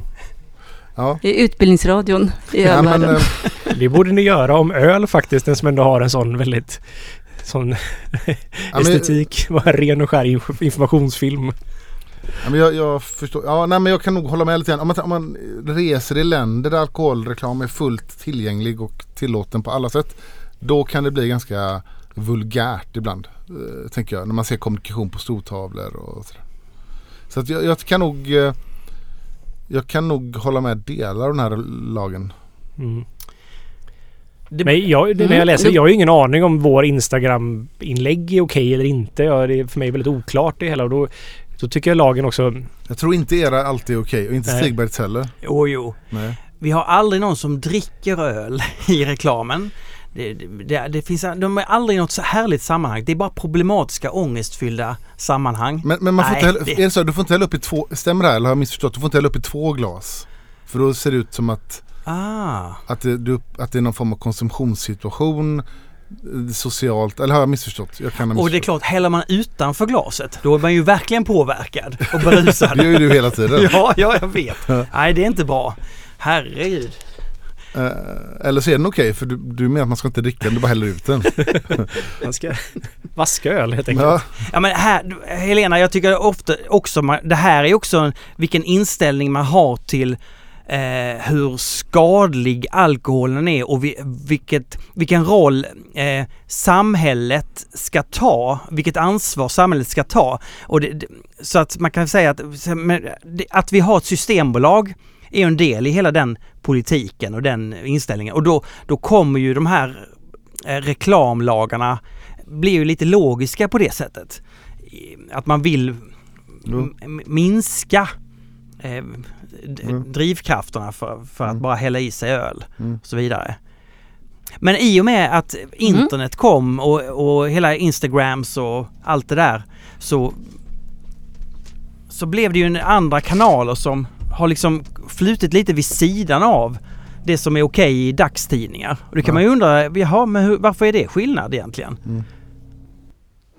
Det är spännande, men då kommer vi in på paragraf 6 där faktiskt, i samma del då, som säger att marknadsföring i en kommersiell annons av alkoholhaltiga lättdrycker till konsumenter ska utformas på ett sätt så att den inte kan förväxlas med marknadsföring av det. alkoholdrycker. Det vill säga lite det här lättölsreklamen som gick på tv när vi var små. Det- Eh, Så vad, vad tycker ni om den lagen? Det, det, där är kanske det bästa exemplet på så här extrem hyckleri faktiskt. För att det, det är så uppenbart att de, den typen av kommunikation, reklam har som syfte att sälja det starkare varianten. För där använder man ju lättöl i alla de här sociala uppmuntrande tillfällena men, men så skriver man bara i slutet klass 1 och då ska det plötsligt vara okej. Alltså den, den är ju helt idiotisk. Ja, där blir det ju faktiskt fånigt på riktigt. Där liksom slår det ju knut på sig själv. Kan jag tycka. Falcon alkoholfri arena.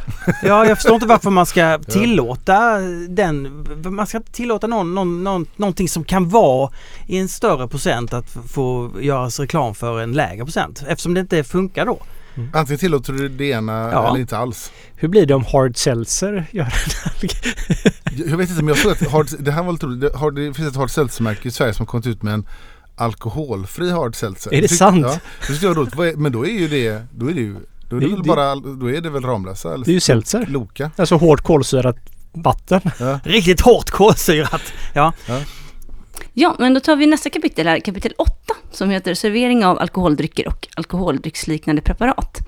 Och då i paragraf 15 så finns den här berömda regeln om att de som serverar alkohol, de måste också erbjuda mat. Man måste ha ett eget kök i anslutning till serveringslokalen och tillhandahålla lagad eller på annat sätt tillredd mat. Och eh, gästerna ska kunna erbjudas ett varierat utbud av maträtter, men efter klockan 23 så får matutbudet begränsas till ett fåtal enklare rätter. Och eh, ja, men det står även lite grann om att det ska finnas ett eh, lämpligt antal sittplatser för matservering och att om det finns en bar, en drinkbar, så får den endast ta i anspråk en mindre del av serveringsställets totala yta och vara belägen i nära anslutning till matsalen. Vad säger ni om den lagen? Idiotisk. Ja, samma här faktiskt. Ett, ett på den skalan. Ja, jag får... Helt orimligt. Jag tycker nog det är en fyra va? Det, ja, men det första som jag tycker som är konstigt med den lagen är att den behövs ju inte eftersom jag gissar att mat ska syfta till att man ändå inte ska bli för berusad. Att man ska kunna äta och ha något i magen. Det är väl en del av den reklamen eller lagen, eller? Ja, och plus att man söker seriösa aktörer. Ja, Eh, fast det kan man ju ändå, det kan man ju ändå ta bort oseriösa ändå. Ja, det menar- kan man ju ha i andra regleringar liksom. Och sen hade man en paragraf vi gick igenom ovan tidigare som syftar till att man inte ska vara berusad. Och man får inte servera berusad personal, eller personer, kunder. Så att den här lagen behövs ju inte eftersom Nej, jag- utifrån det perspektivet. För det finns andra lagar som reglerar just den biten. Jag tycker faktiskt exakt samma sak. Är, och vi går igenom den här processen nu med vår, när vi öppnar en bar. Vi har faktiskt möte med dem just nu när vi spelar in det här. Ja. Eh, men att eh, och det är ju så, det blir ju väldigt o, man ska ha liksom en trerättersmeny. Det ska finnas förrätt, huvudrätt och efterrätt. Och så ett pizzaställe måste ju lägga till en liksom en efterrätt om de vill ha serveringstillstånd som bara där för syns skull. Det blir väldigt fånigt det här och jag, alltså, jag ser ju krogen som en väldigt det är, det, det är ett sätt för folk att vara väldigt kreativa. Och det är ju en väldigt begränsande faktor om man måste då se till att man har mat i den utsträckning som det krävs att man har mat. Och det gör ju att krogen blir väldigt likriktad ofta och ganska tråkig på det sättet. Jag tror ju marknadskrafterna här skulle göra att det faktiskt finns mat på de flesta ställen. Kanske lite mer begränsat än vad som krävs i alkohollagen just nu men att någonting kunder vill ha någonting att äta när de dricker alkohol. Det är en naturlig faktor som Ja. kommer lösas av om folk inte, om det finns för få ställen som har mat så kommer det öppna ställen som har mat. Alltså det här löser sig självt. Precis. Jag Jag, tror, men den här lagen är ju bara en rädsla för att vi ska få eh, dryckesställen där, där, där folk super ner sig och så vidare. Alltså, och, det, och det finns ju redan idag. Eh, så Mm. jag, på det jag sättet. Tror inte den hjälper mot de här nej, grejerna. men det, här, jag fan, tror... Condeco har ju serveringstillstånd. ja, Ett jo. café. Ja, men jag, jag tänker att det här handlar mer om eh, också Ja, men en- ett försvårande av, precis som Systembolaget som inte ska ha öppet på lördagar och inte på kvällar och så vidare försvårar inköp. De här inköpen... Söndagar Martin, söndagar. Ja, ja, jag vet, jag vet. Men jag, jag hittar på att vi ska ta till bo- bort lördagarna. Nej, men alltså men skulle det finnas i närlivsen öppet till 23? Det är klart att jag skulle handla mer vin. Kan man ha, det, det är ju helt naturligt att till efterfrågan. Jag menar, har jag en bag-in-box hemma? Fast det påverkar ju inte det som konsument. Du som konsument kan Ja. fortfarande gå ut och bara dricka. Du måste ju inte äta. Ja, det är sant. Men jag tror bara det är en trö... Det är en fri, vi ökar friktionen lite grann här. Men jag Och- tycker det skulle i sådana fall det ska regleras i andra, på andra sätt i sådana Ja, ja, fall. det, det är möjligt. Jag det är möjligt. för att man har väldigt höga krav på vilka som startar krogar, att det är seriösa aktörer och sådana saker. Att det är, Men det här är den enskilt viktigaste faktorn till varför vi inte har fler bryggeripubbar i Sverige. Att bryggerier har sin egna ställe. Därför att det är för dyrt att dra igång. Du ska ha liksom mat, du ska anställa en kock och så vidare. Det hade funnits. till exempel ute hos oss, vi hade ju gärna haft det men det är ju helt orimligt att vi ska ha en anställd som lagar mat där ute för någonting som vi kanske kan uppe två dagar i veckan max. Ja, jag, änd- jag ändrar min fyra till en trea. Mm. Ja. Så tycker vi Helena. Ja. Ja, då ska vi gå in på det sista här och det är inte en del i lagen utan det är ett lagförslag som lades i budgetpropositionen förra året då, alltså budgeten för 2021. Eh, och då aviserade man att man från och med 2023 ska höja alkoholskatten, eh, det vill säga att regeringen föreslog i budgeten till, då förra, till i år att man ska höja alkoholskatten 2023 för att kompensera för att alkohol eh, har blivit billigare då jämfört med till exempel våra grannländer. Och den här pengarna som man beräknas få in på det då, eh, ungefär 0,55 miljarder, eh, de ska gå till att öka försvarsanslagen, det vill säga att försvaret ska få mer pengar för att bygga upp sin verksamhet. Så att eh, det jag skulle vilja att ni reagerar på nu, det är det här, det här förslaget från eh, regeringen, eller från ja, den förra, förrförra regeringen då, det är det väl, eh, om att man ska eh, höja alkoholskatten och pengarna ska gå till försvaret. Jag är för att man har hög alkoholskatt och jag ser inte ett problem att man höjer skatten ytterligare faktiskt. Men jag förstår inte varför den ska gå till försvaret. Det borde ju gå till faktiskt andra delar av samhället som kanske är ja, beror på alkohol. Problematik kring det. Eller? ja, det var väl ett sätt att få, få, få med Ja. sig, jag tror att för att få ett bred, brett, en bred eh, bas som ty, ty, tycker om det här förslaget i riksdagen så gissar jag att då, då Ja, men det är jätte, ja, det är konstigt. Nej det är klart att alkohol ska vara svindyr. Det är ju inget, det är inget konstigt med Den det. är ju redan dyr. Den, den ska bli dyrare. Eh, och, och nej men det är helt galet. Vad, vadå försvaret? Det, vad, vad, är vik, vad är viktigt i vårt samhälle? Vad är viktigt? Är det försvaret som är viktigt? Är det det som håller ihop oss? Är det viktigt att bura in folk? Ja, det är det för att det är, det är jätteviktigt. Men det viktigaste det är, det är att vi, vi tar hand om de som växer upp, att vi, vi inlämnar alla i samhället. Att, att det finns lärare nog, att det finns att vi, att det inte, ja och så vidare. Ni, vet- ni vet vad jag menar. Mm. Fredrik, vad tycker du då? Eh, alltså, kopplingen till försvaret är ju idiotisk, eh, är orimlig på alla sätt. Eh, då skulle man kunna istället, om man ska härleda pengar till andra insatser så skulle ju eh, alkoholskatter kunna gå till socialt arbete. Det är väl mer rimligt. Och, eh, om nu försvaret syftar till att försvara oss som land och vi medborgare så kanske våra jag förstår vad jag menar, då ska, då ska man ta de pengarna på något annat sätt. Alltså, jag vet inte. Dumt. Eh, alkoholskatterna, ja jag tycker också de ska vara ganska höga men de, man ska nog jobba med differentierad alkoholskatt för brygger, små bryggerier. Eh, därför att nu så går det inte att tjäna pengar som ett litet bryggeri. Nästan. Mm. Det kan jag hålla med om. Differen- differentierad alkoholskatt är ändå en viktig fråga faktiskt för oss bryggerier, Mm. små bryggerier. Mm. Och det och en ju väldigt länder, rimlig... exempel i- eh, rim, det, är ja. vi, vi är ju, det är ju vi och ett land till i Europa. Ja. Och det är tal, gissar jag Nej, inte lite. Italien men eh, Det är ett land med ganska låg alkoholskatt i allmänhet där det kanske inte behövs på samma sätt. Men vi är ju det enda landet som inte har det. Norge och där Finland har det till exempel. ja, Eller nu vet jag faktiskt inte med Norge för de är inte med i jo, EU. men, eh, men, nej, men EU är det alla Ja. utan ett land. Och, och det innebär egentligen att småbryggerier be, be, det, beskattas inte lika hårt deras produkter. Nej, Nej, absolut. precis. Och då, därför Mm. kan de Och också import ibland. Att importalkohol är dyrare än inhemsk och sådär. Förekommer också. Ja, ja, ja. okej. Är inte Frankrike ett föregångsland att hålla framförallt amerikaner ute ur landet? Jag, tänker jag. Ja, eh, Jag, nej, men jag måste berätta, när jag, jag för, var i Vitryssland Ryssland eller Belarus för eh, 12 år sedan någonting och jobbade två dagar. och då var vi på en restaurang och på kvällen så eh, så drack vi vin och öl till maten men eh, efter ett visst klockslag, om det var klockan 10, då stängde de. Då kunde man inte köpa vin och öl längre. Då kunde man bara köpa sprit, alltså vodka. och så frågade jag vad det var. Ja, men det var för att stimulera inhemsk produktion då. Av sprit. ja, att, eh, rimligt. så, att då, så ju senare det blev desto starkare Det grejer. är en jättebra idé. Då kan vi ju efter klockan 10 på krogen så måste man bara servera hantverksöl från lokala bryggerier. Just det. Ja. Ja, Helena, har du bespetsat dig på någon hantverksöl framöver här då? Eh, Ja, jag eh, tänkte jag skulle prova, jag har inte, nu kommer jag inte ihåg vad den heter, men jag tänkte jag ska prova, eh, DuPont har ju en sån vintersäsong, så den har jag köpt en flaska av, så den tänkte jag prova i närtid. Så Har det du är det jag beställt, från, eh, på. beställt från Belgien eller? Jag beställde från Hopt när jag gjorde en eh, annan beställning därifrån, så passade jag på ta Men med en du- sån men- också. Men vad är en vintersäsong egentligen? jag antar att den har vintrigare kryddor, jag, jag vet faktiskt inte, jag har försökt jag läsa på lite om det, men jag eh, tänker mig att det kanske är lite julkryddor, vem vet, jag får väl återkomma nästa gång och rapportera hur den var. Men eh, om man får välja en eh, julöl så är det såklart en säsong. Jag drack den faktiskt eh, förra veckan på DuPont. Aha. Mm. Vad var Ja, det? Var hur- det en hur var den? Jag vet inte om det är Jag tror bara det är lite mörkare malt i och sådär.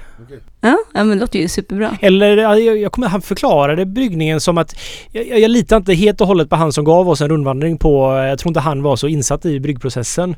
För han sa att nej, nej, om det är mörkare öl så kokar vi bara allting mycket längre. Alltid samma malt till allting. Och det köper jag inte alls. Ja, okej. Spännande, men jag tror att det är något att se fram emot då, Olle? Ja, jag tyckte det var gott. Det var Ja, jättegott. härligt. Som allt DuPont gör. Ja, tack Helena. Vi hörs om en månad. Det gör vi. Tack så mycket. Ta hand om er, god jul! God jul. Robert Larsson undrar varför det är så underskattat att ha tråkigt.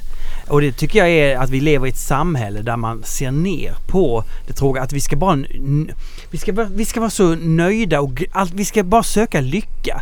Vilket är ett så jävla fördärv att vi tror att det är det som är livet. Lycka i livet, det är det väl inte? Li, livet innehåller väl så många... Alltså lidande kan väl vara livet? Det kan väl lära oss jättemycket också? Ja. Olle, Ja. Jag vet inte, jag gillar det tråkigt. du gillar att ha tråkigt. Mm. Att göra ingenting kan man också kalla det då, eller? Ja exakt, för det, vad, vad, är trå- alltså, vad är tråkigt liksom? Att sitta på en föreläsning som inte intresserar sig. Allt är ju tråkigt. Men jag menar bara att inte göra någonting. Det, är, det kanske inte är tråkigt. Det är bara... Jag uppskattar det väldigt mycket att bara inte göra någonting. Ja, jag har fan lite svårt att inte göra någonting. Då, jag, då, då, som, då somnar jag. Eh, Lost in Fungus eh, frågar Vad kan bryggerivärlden samt ölkonsumenter lära sig av Brasserie de la Seine? Olle, du som var där. Mm, allt skulle jag säga. Ja, men vadå allt? Nej men eh, det viktigaste jag tar med mig är ju liksom hur... Eh, alltså han är så otroligt bra på att förmedla sin filosofi kring öl. Jag delar hans filosofi men jag har inte alls den kapaciteten att uttrycka filosofin. Mm. Det, var, det är så fantastiskt att höra han prata om hur han ser på öl. Det är väldigt inspirerande.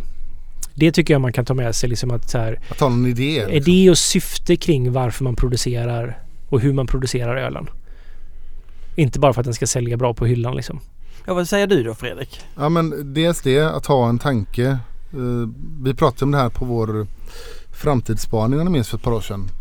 Mm. Att det kanske kommer mer bryggerier som har någon form av syfte och nå- någon idé med varför de finns till och sådär. Det har ju de väldigt, väldigt, väldigt tydligt. Så tycker jag man kan lära sig av dem att de har en förankring i någon form av historik samtidigt som de är liksom framåtblickande. Precis. Att, att respekt för, han visar ju sjukt stor respekt för så här, gamla belgiska bryggartraditioner och så här. Samtidigt som han har ett hypermodernt bryggverk där han liksom har... Han vet varför varje del sitter där den gör och hur den fungerar. Han har valt det här med omsorg. De vet sin plats Ja. och de vet sin riktning också liksom. Det är, Precis. det är ett otroligt genomtänkt Det är det. Ja, det visar sig också i liksom, hur det ser ut och så tycker jag. Det är en väldigt Mm. tydlig profil, grafisk Ja. profil som är smart. Cecilia Ninja Nilsson. Kan man vara ölnörd utan att prata IBU, High Gravity Brewing och trippelmäskning? Ja. Ja, det är klart man, klart man kan vara det. Ja, det är självklart. Ja. Eh, Hon undrar också vilken öltyp kommer att bli den nya stora? Den får vi ju ibland den frågan. Mm. Eh, Efter alla IPA, NEIPA och kraftfulla stouts.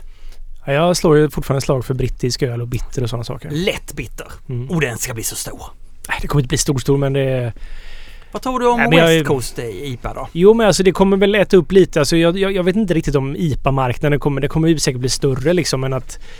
ehm, det, för det är ju mer och mer personer som upptäcker hantverksöl och då blir ju IPA såklart större och större liksom. Ja. Men eh, som andel av vad produc- bryggerier producerar så tror jag att West Coast kommer ta från New England-portionen ja. liksom, kakan Ja, ja, där. okej. Ja, så att det är pennor som svingar tillbaks lite grann liksom. Men du, när vi säger brittisk öl, Mm. det är väl bara vad vi hoppas. Det är väl inget, inget kvalificerat Jag tips tror, ju, egentligen. jag tror ju att eh, på gott och ont att stor stark eller så här, enkel lager faktiskt kommer bli ganska stort bland många hantverksölsnördar kommer tröttna lite på att jaga bara nya hazy iper och dricka mer ja, enkel pilsner helt enkelt. Ja, för Fredriks säs- säsong blir det väl aldrig va? Nej det blir det inte, Nej. tyvärr. Eh, men ja, jag tror och också på mycket lager och eh, brittisk tror jag också kommer mer. Sen ska man aldrig underskatta belgarna heller. Alltså, ja, nej det gör det, det ska man inte göra men det verkar som alla andra underskattar belgare. men det, var- det var en annan fråga som kom in som, jag vet inte om det var med där, som var kopplat till, som var en väldigt bra fråga tyckte jag, till, kopplat till hennes fråga om eh, öl, ölnörderi. Som jag tyckte var superklok. Peter Hampus, vad är skillnaden mellan en ölnörd och en vinnörd? Säger man vinnörd eller kallar vi inte en sån för vinkännare? Då får man ju för sig att vinkännaren är lite bättre. Eh, av ordet att döma alltså. Ölnörd är kanske så fort man går från stor stark till IPA och engelsk ale. Han har ju rätt i det att man säger ölnörd. Och sen, men man säger inte vinnörd, man säger mer vinkännare. Det, jag tycker det var skitintressant spaning. Eller att man har ett stort vinintresse. Vinintresse. Ja. Jag tycker det är en jätteintressant spaning för att det är lite grann, det visar någonstans ölets lägre status bland en del. Mm. Att man är en nörd om man håller på med något så banalt som öl. Medan vin är upphöjt, då är man en kännare. Låt mig ta Jens Medg Eh, lilla berättelse här. Jag besökte nyligen en högt ansedd svensk restaurang med ett fantastiskt mat och vinutbud och som verkligen underströk sitt bruk av lokala råvaror. Och visst var det fantastiskt på många sätt. Uppenbarligen utfört med stor passion, kunskap och noggrannhet. Jag noterade dock att vid sidan av en välsorterad vinkälla och ingredienser från lokala bönder så bestod ölutbudet av två alternativ. Melleruds pilsner eller Visby Sitting Bulldog IPA. Jag förstår precis varför man väljer de två eftersom de flyger precis under radarn för gemene person om en viss image av fine dining ska upprätthållas. Men det kunde ju lika gärna ha varit Norrlands guld de krängde. Även om jag personligen hellre dricker vin till den maten som serverades blir jag ändå smått konfunderad över varför man har ett minutiöst planerat utbud utöver det vanliga av allt annat, men ölen är Spendrups. Jag tror liksom inte sommelieren hade kommit undan med att dra fram Foot of Africa bag-in-boxen till den smörpocherade hummern. Så vad jag funderar på är, kommer öl någonsin att komma in i finrummet på samma sätt som vin. Tror ni det kan vara så att någorlunda självrespektabla restauranger vid sidan av ett bra mat och vinutbud även har ett bra ölutbud som standard? Har ens öl i finrummet att göra? Har den varit på Franzén eller? Ja, Nej men... Eh, för alla jag har Spendrups det lär jag ha. inte tänka mig det. här. Nej men det är ju de två frågorna. Det är ju väldigt intressant faktiskt. Jag kan ju ibland tycka, om man ska bara, nu är jag lite djävulens advokat, men jag kan ju tycka att det är lite skönt att vara ölnörd. För att det, det, det, då slipper jag pretensionerna kring att behöva vara en ölkännare eller en liksom en ölfinsmakare.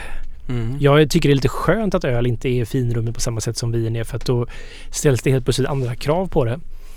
Jag tror det också är här lite det som första frågan då att det är ju faktiskt eh, lite generalisering men att jag tror att det är lite nördigare personer som har dratt sig till öl. Det är ju skillnad på vin och öl. Smakmässigt sammanhang, hur de...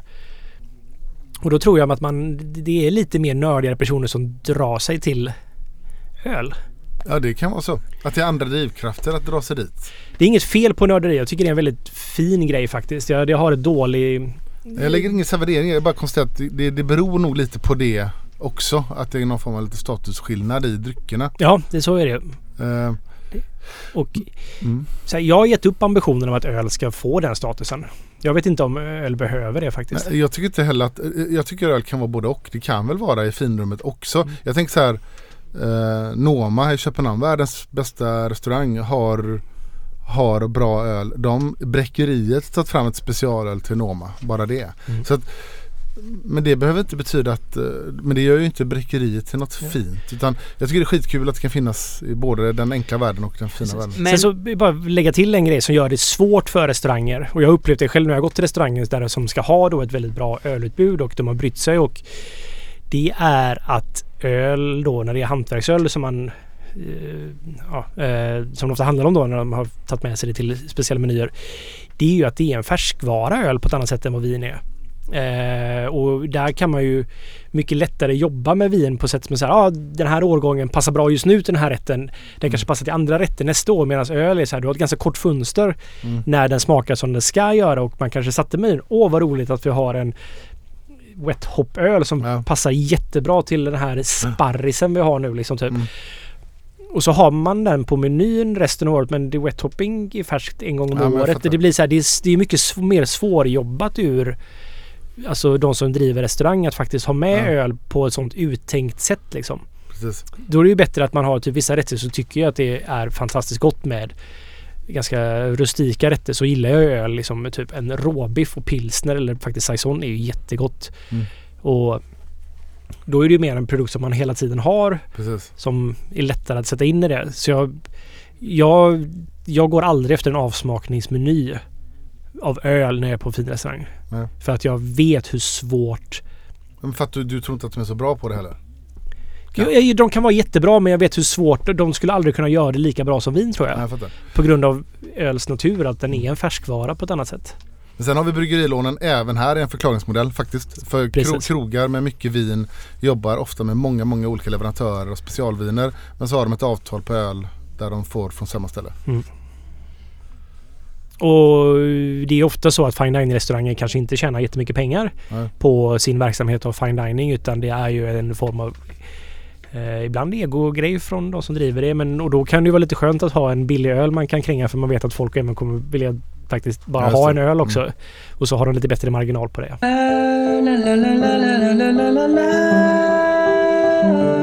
Gabriel Engberg, kan inte Olle berätta lite om att dumpa öl? Mm. Det är ju ganska intressant ändå. Alltså hur kändes det den första gången? Hur gick tankegångarna? Vad är skillnaden mellan då och nu?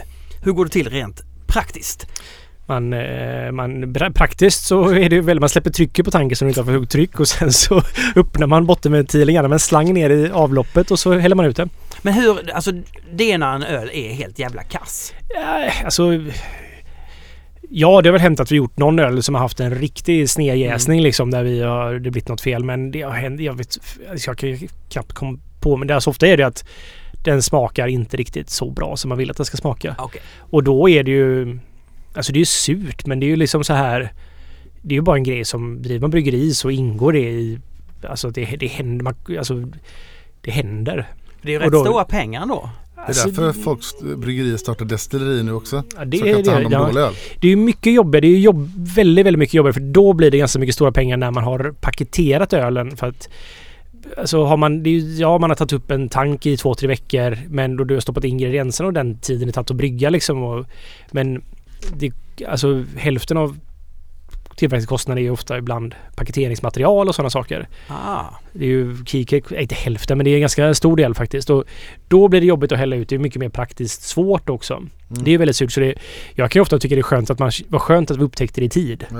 Att man och dumpar. Och det är bara någonting. Det, det, jag har faktiskt aldrig haft några större problem med det.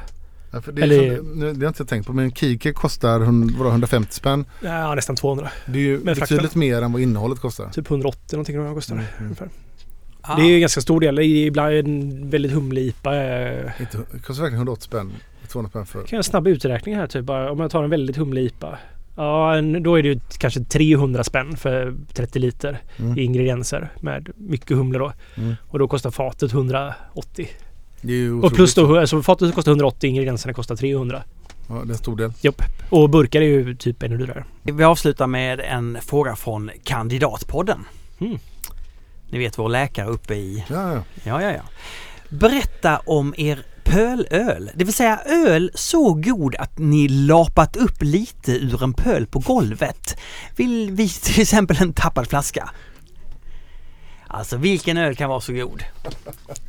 Ja det är väl en Girardin kanske för dig där Fredrik? Man kan sörpla från golvet. Alltså det är... Beror på golv också eller? Alltså jag har sörplat eh, öl från, från golvet. Många, framförallt stout tycker jag håller sig väldigt bra. På påverks, ja, men påverkas inte så mycket. Det är, och vi har ju så här schackrutigt köksgolv. Aha.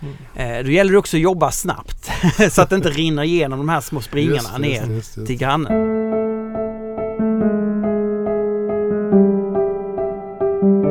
Så, då är det dags att bege oss till Italien. Italiensk öl. Alltså du har nästan gått upp i limningen Fredrik. Ja, Hur kommer det sig? nej, men jag känner att Italien, jag har eh, inte utforskat Italien så mycket som, som Öland. Sådär. Men jag, jag har varit i Italien och druckit öl men inte på en sån ölresa. Jag tycker bara att det, det är väldigt spännande Öland. Och jag gillar mycket kring Italien som Öland.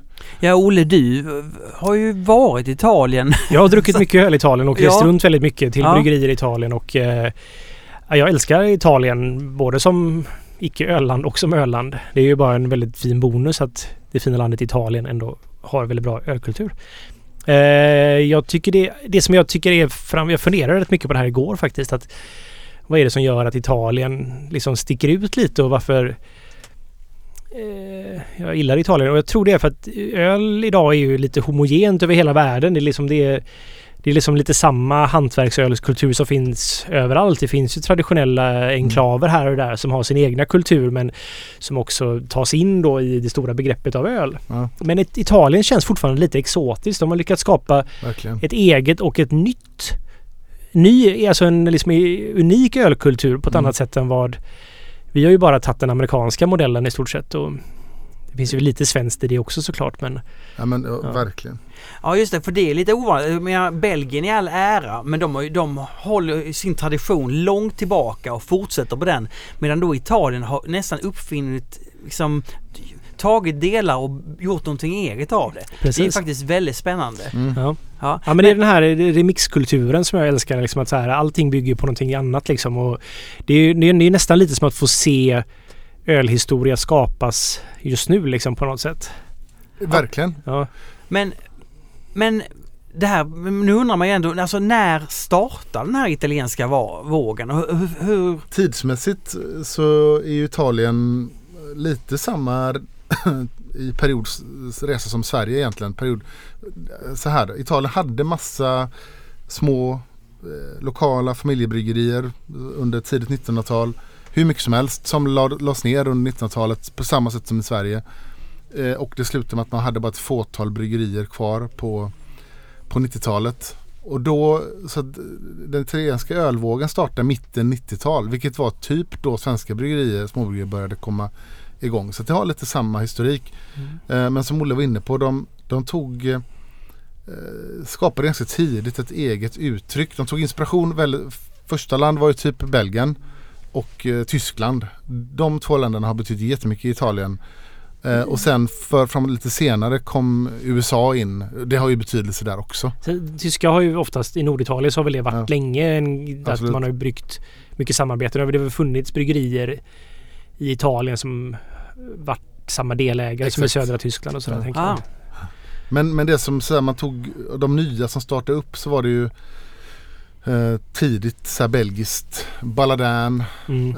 eh, Theo Mussi som och när du säger belgiskt, alltså italienare som gjorde belgisk öl ja, men i precis, Italien. Inspirerad av belgiskt öl. Och pratar vi 80-tal eller 70-tal? Nej, vi pratar eller? 90, 96, 95, 96. Okej, och Mm. så då kan man säga att vågen startade? Då startade den. Och, Ja. Och, och, eh, Theo Mussi var en, är en av dem. Det är Balladin. Eh, superviktig, kanske den viktigaste i Italien inom den här hantverksölvågen. Och sen eh, eh, Agostino Arioli som startade eh, Beneficio Italiano eh, typ samtidigt eller något år efter. Mm. Eh, och han var ju väldigt Tysklandsinfluerad och jobbade i Tyskland och sådär. Och jag tänker så här Theo Mussi, han var ju, det är så här en... Det är liksom en, han hade väl en hårdrocksbar tror jag som Ja. han började bryggeriet i. Och det jag, jag tänker så här, för mig har det alltid känts som att det är ganska mm, lite hårdrocksinfluerat, en form av punkighet i eh, italiensk öl. Att de, det är, jag tänker att det är två kulturer som, de, de matchar ju varandra lite grann. Det är ju lite som ett, en motreaktionskultur på något sätt liksom. Ja, och det har blivit också lite motreaktion för att eh, jag läste en vinskribent som pratade om att dels har vinkonsumtionen i Italien har ju ra rasat eh, verkligen. Mm. Eh, den har gått ner jättemycket. Eh, och sen är det lite det här, den här vinskribenten menar med att hantverksölscenen i Italien bygger lite på det här att det är nytt och spännande liksom, och det är inte vad föräldrarna drack, vilket i sig är en motor då. Mm. Eftersom Italien är så, det är ju typ världens starkaste vinland liksom. Ja, just det. Och då blir det lite motreaktion samtidigt som det finns mycket gemensamma nämnare. De har idag en, ja, en- runt tusen bryggerier i Italien.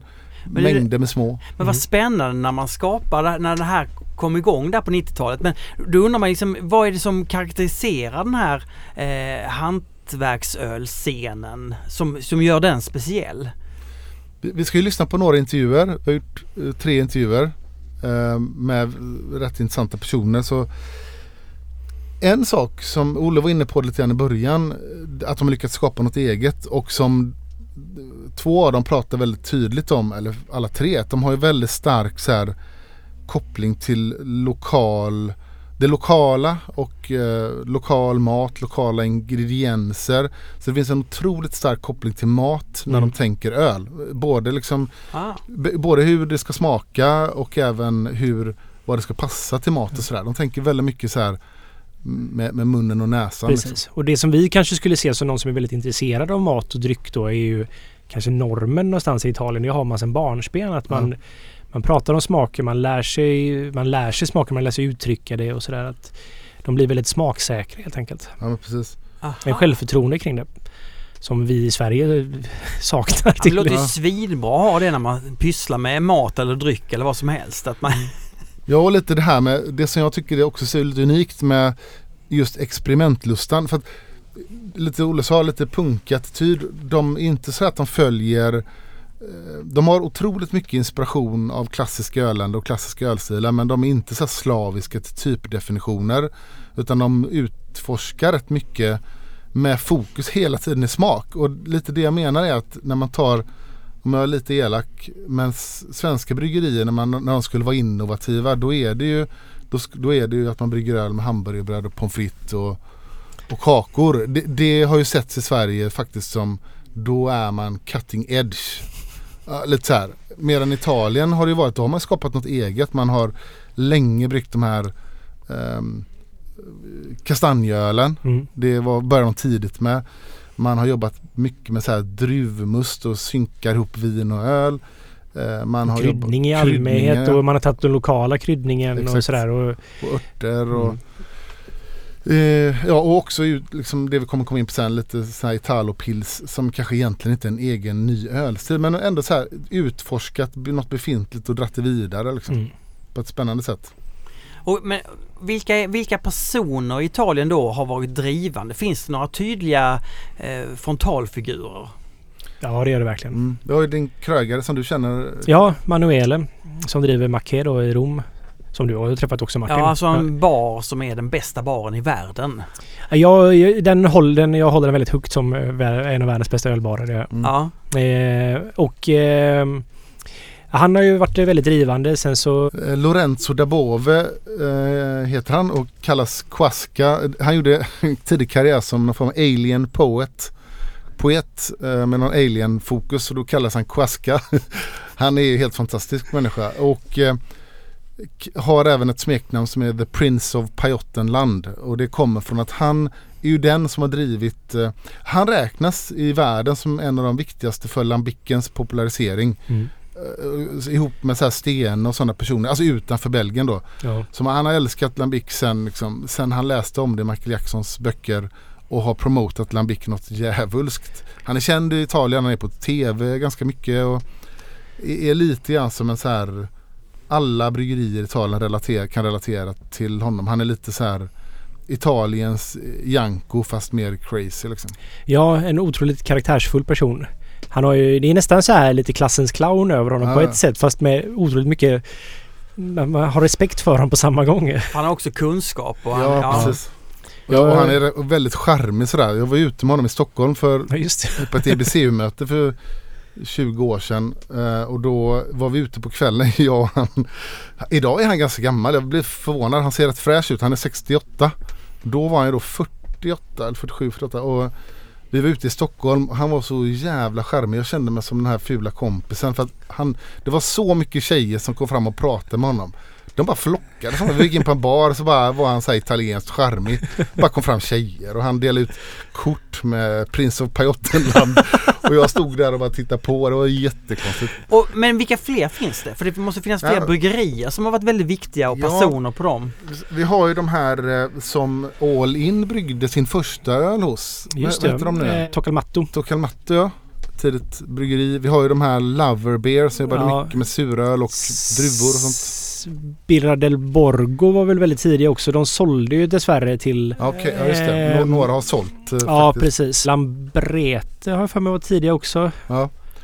Eh, och så är det ju Balladan och... Theo Musso då som Ja, eh, Balladen. Och sen har det ju exploderat med bryggerier som, som gör det som är stort idag som Quasca berättade lite grann om det är ju eh, burktrenden har kommit till Italien lite senare än här faktiskt för där har Mm. flaskan varit viktigare eller är viktigare än här Mm. för det har varit en sån restauranggrej. Eh, det är alkoholfritt kommer mer och mer så det är samma som här. Eh, n- IPA kommer med. Det är inte lika stort som här men det finns där. Men sen är det spännande saker som Italo Pils gör jättemånga Italian Grapes, Grape Ale, alltså Mm. druvöl som vi kommer att lyssna på en intervju om. Ja, vad är det mer? Att använda såklart de här lokala ingredienserna och sånt. Ja men nu är jag sugen. Kan vi inte eh, lyssna på vad Quasca har att säga då? Det gör vi. First time we met was in um, EBCU meeting in uh, Bamberg. Um, Yeah. I remember you gave me a card and it said uh, your name and it said the, the Prince of Pajottenland. Ah, yeah, yeah, yeah. I'm very proud of this. I'm very proud. Can you tell us a little bit about yourself, uh, your background in beer, and uh, yeah, why you're Yeah. into beer?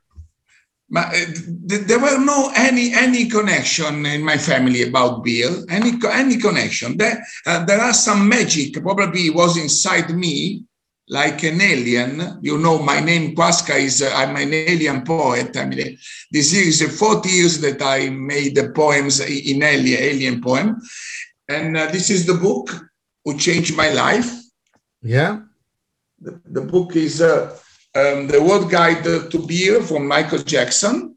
Yeah. I, I my uh, I made a job. I was uh, in um, in a bookshop. I was uh, working in a bookshop, and then uh, uh, I, I discovered this book uh, just arriving in the end of the seventies. You are not born. uh, You're not born in Yeah. the seventies, and I, I- was impressed by the wild uh, the wild chapter, the wild beers. I was captured by this book, and then uh, I, I realized then then in this book in the uh, in the page of the Mediterranean uh, area there were only four uh, labels of industrial mass market beer in Italy and only few lines about uh, Italy. Uh, 30 years after, I had the great honor to write the Italian chapter of Michael Jackson, Mhm. my great maestro Michael Jackson, and uh, I got uh, six pages, six full pages, more than Austria, France, Japan, Netherlands is incredible. You can imagine if uh, Michael Jackson um, was still here with us. We got half a, half a book, probably half a book. It's incredible. Um, uh, when I met Michael Jackson, um, uh, I didn't sleep three nights, Frederick, because I asked for a picture and there were no digital. There were Gutenberg picture. and I didn't sleep three nights. And then I can imagine that I became one of his pupils and I wrote the last book um, with him. So it is incredible, incredible.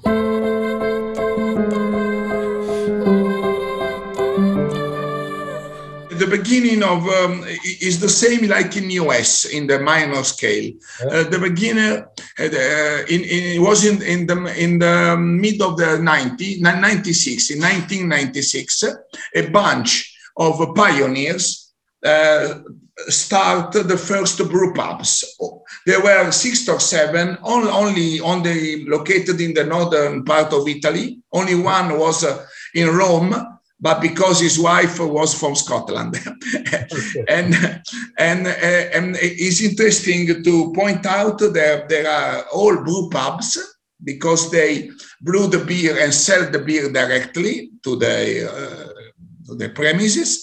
And it's important to to uh, underline to point out that they discover uh, reality, this fantastic reality of um, beer garden in Germany, uh, uh, Belgian cafe in Belgium, uh, Pivnice in in Czech Republic, fantastic country pubs or, or town pubs in in UK, and they uh, when they come back uh, they were influenced by the country. I, I just make you an example, an example, Freddie. Uh, all the beers, like, like the first Americans, huh? the first pioneers in America, they discover during the trips to Europe, discover this fantastic reality. Maybe they were on suffering about uh, the multinational beer and then discover the paradise. In Belgium is the paradise, you know, man, not only Belgium. Uh, and, uh, and the first the, the first beer of each brewer were beer focused only on one country. For example, uh, Birrificio Italiano made a beer inspired to Germany because he studied in Germany. Yeah. So the beer was lager. Uh, Teo Musso Baladin, the fantastic Teo Musso Baladin, uh, learned in Belgium. So the first beer was a, a, a, a wheat beer, a blanche, was a, a, a Abbey beer. That's why they were influenced by the country they, they saw the light. What other influence? Because you mentioned earlier that was uh, influence from Germany in the Yeah. beginning, and it was influence from uh, from from Belgium, of course. Belgium, especially from uh, US, from Yeah. US. Yes, We are like a coast. We are we are uh, the um, we are the first to have understood the great uh, um, American beer renaissance. And thanks to great uh, people, great friend like Charlie Papazian, for me, one of the, my best, best brother, Charlie Papazian, and the other American like Sam Calagione, Vinici L'Urso, uh, Tom Arthur, uh, Rob Todd, um, and many, many, uh, Ray Daniels, and many, many others. Um, uh, we are very clever to follow, not to copy, eh, Frederick, but to follow uh, the great uh, American Renaissance. Indeed, in- now I can proudly say, I'm not a patriot. I, I, can proudly say that we are uh, leader in the craft beer revolution. Uh, that's why you are interview me about Italian beer. Yeah. Uh, if you interview me uh, 15 years ago, you interview me about lambic, not about Italian beer. Now we are talking about Italian beer. I make conference about Italian beer everywhere. Step by step, as the American did, we Italian, we make our own beers because Italy, and this is important to say, I'm very proud to say, everybody knows, we are the, the country with, with the great, great, great, great biodiversity. Every brewer can find local ingredients that's only local, as not known uh, five kilometers uh, uh, after. Aha, okej. It's incredible, this. That's This was a key, was the key words uh, for the Italian, uh, the made in Italy uh, beers from Italy. Is it popular to use spices and so on in, in Italian beer today? Yeah, yeah, yeah, yeah. Uh, spice, uh, a local spice. For example, you know that uh, you say a beer uh, kilometro zero, zero kilometer, and there's a brewer, Montegioco, Riccardo Franzosi, they make uh, zero centimeters because they use a spice from uh, her neighbor, his neighbor. There are one, uh, Beneficio Maiella, they use lavender just uh, on, on, uh, uh, on his home. So spice are used, um, local spice, local spice especially, especially pepper, especially pepper. Or um, pepper in Italy is not pepper is poivre, like poivre in Francais. Not the vegetable, the pepper, the like yeah. black pepper, uh, pink Yeah, yeah, pepper. I understand. Yeah. Uh, uh, we use a spice. We use spice, um, but we are. I think we are more important for us to use uh, local grains, local fruit, local herbs, and local wine most than spice. And we use also spice.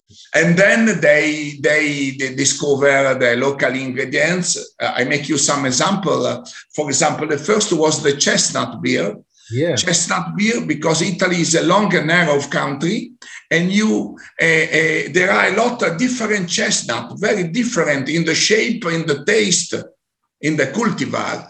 So uh, and furthermore, this uh, this brewer use the, the the chestnut, the different chestnut in different way. Okay. For example, cooked, uh, boiled, um, smoked, dried, uh, roasted. That's why the, we, we can talk about a generic name, uh, chestnut beer, but all the beers are were different.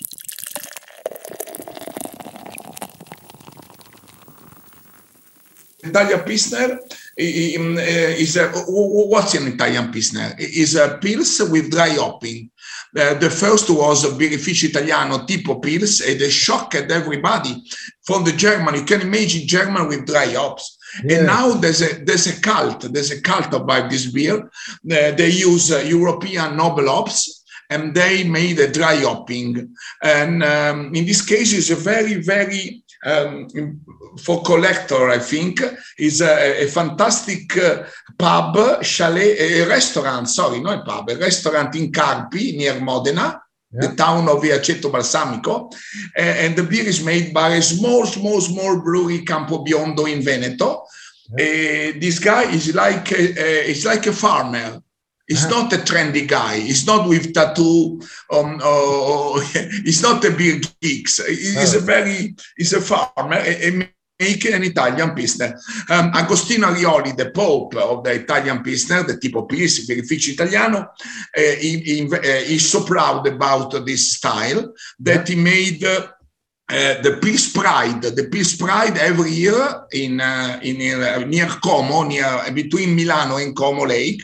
Uh, they organize the Peace Pride. And then inspired American friends like Tim Adams from Oxbow uh, in Maine and Matthew Bridison from uh, um, um, Kate, uh, Firestone Walker. From uh, from Paso Robles in California, and they organize uh, two times the Pills and Love because in US uh, Pils Pride was not good because they think to gay pride and you know the Uh-huh. American. Okay, okay, okay. So, and, uh, and and now me and Agostino wrote for Enz uh, together and an article that I I think will be published probably in these days uh, from a new brewer about Italian Pilsner. There's a, a great interest about this. Yeah.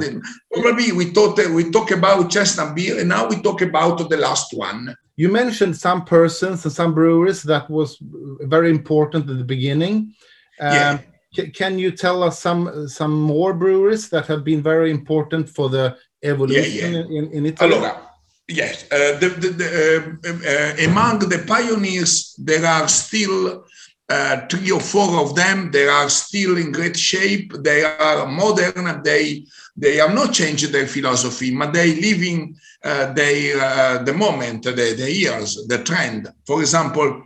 Birrificio Italiano, uh, Le Baladin, of course, Le Baladin is in great shape, a great, and uh, he gave a, a job to a lot of people, uh, full of idea.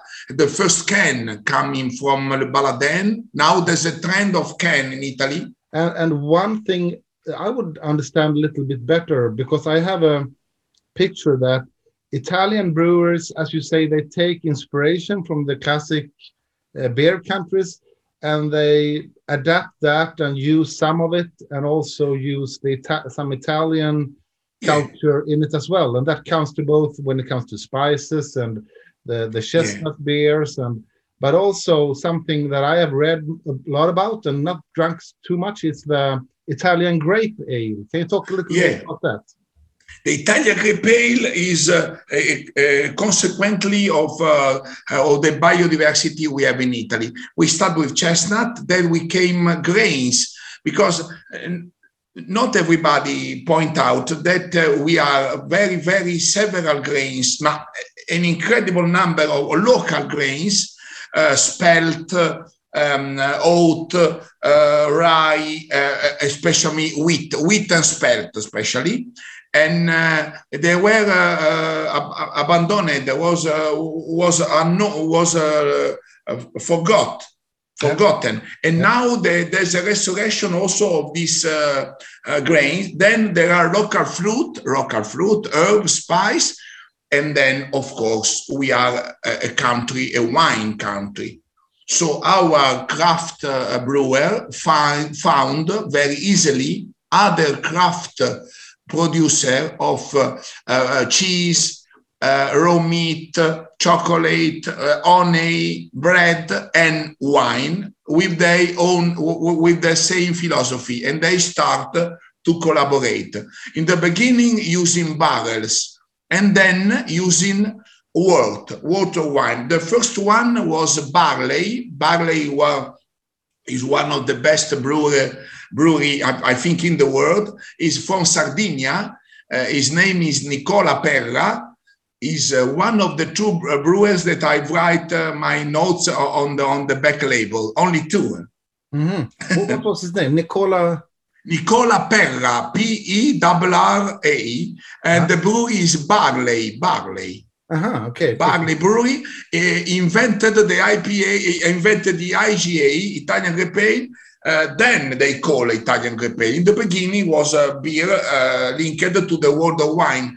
He used the Sapa. Uh, I didn't know what Sapa was. because I'm not from Sardinia.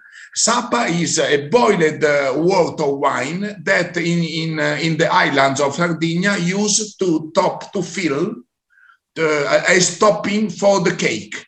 It's very sweet.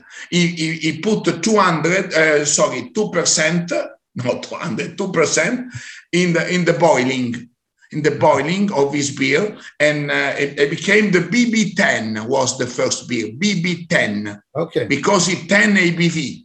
Ah, ah. Using Cannonau. Cannonau is a famous uh, uh, wine from Sardinia. And then he started a project with different uh, Malvasia, Nasco, Vermentino, with different uh, kind of fol- he was followed by many others, and now uh, we can proudly say the Italian Grape Ale is uh, a, a- an Italian beer style. That's cool. Uh, uh, uh, what?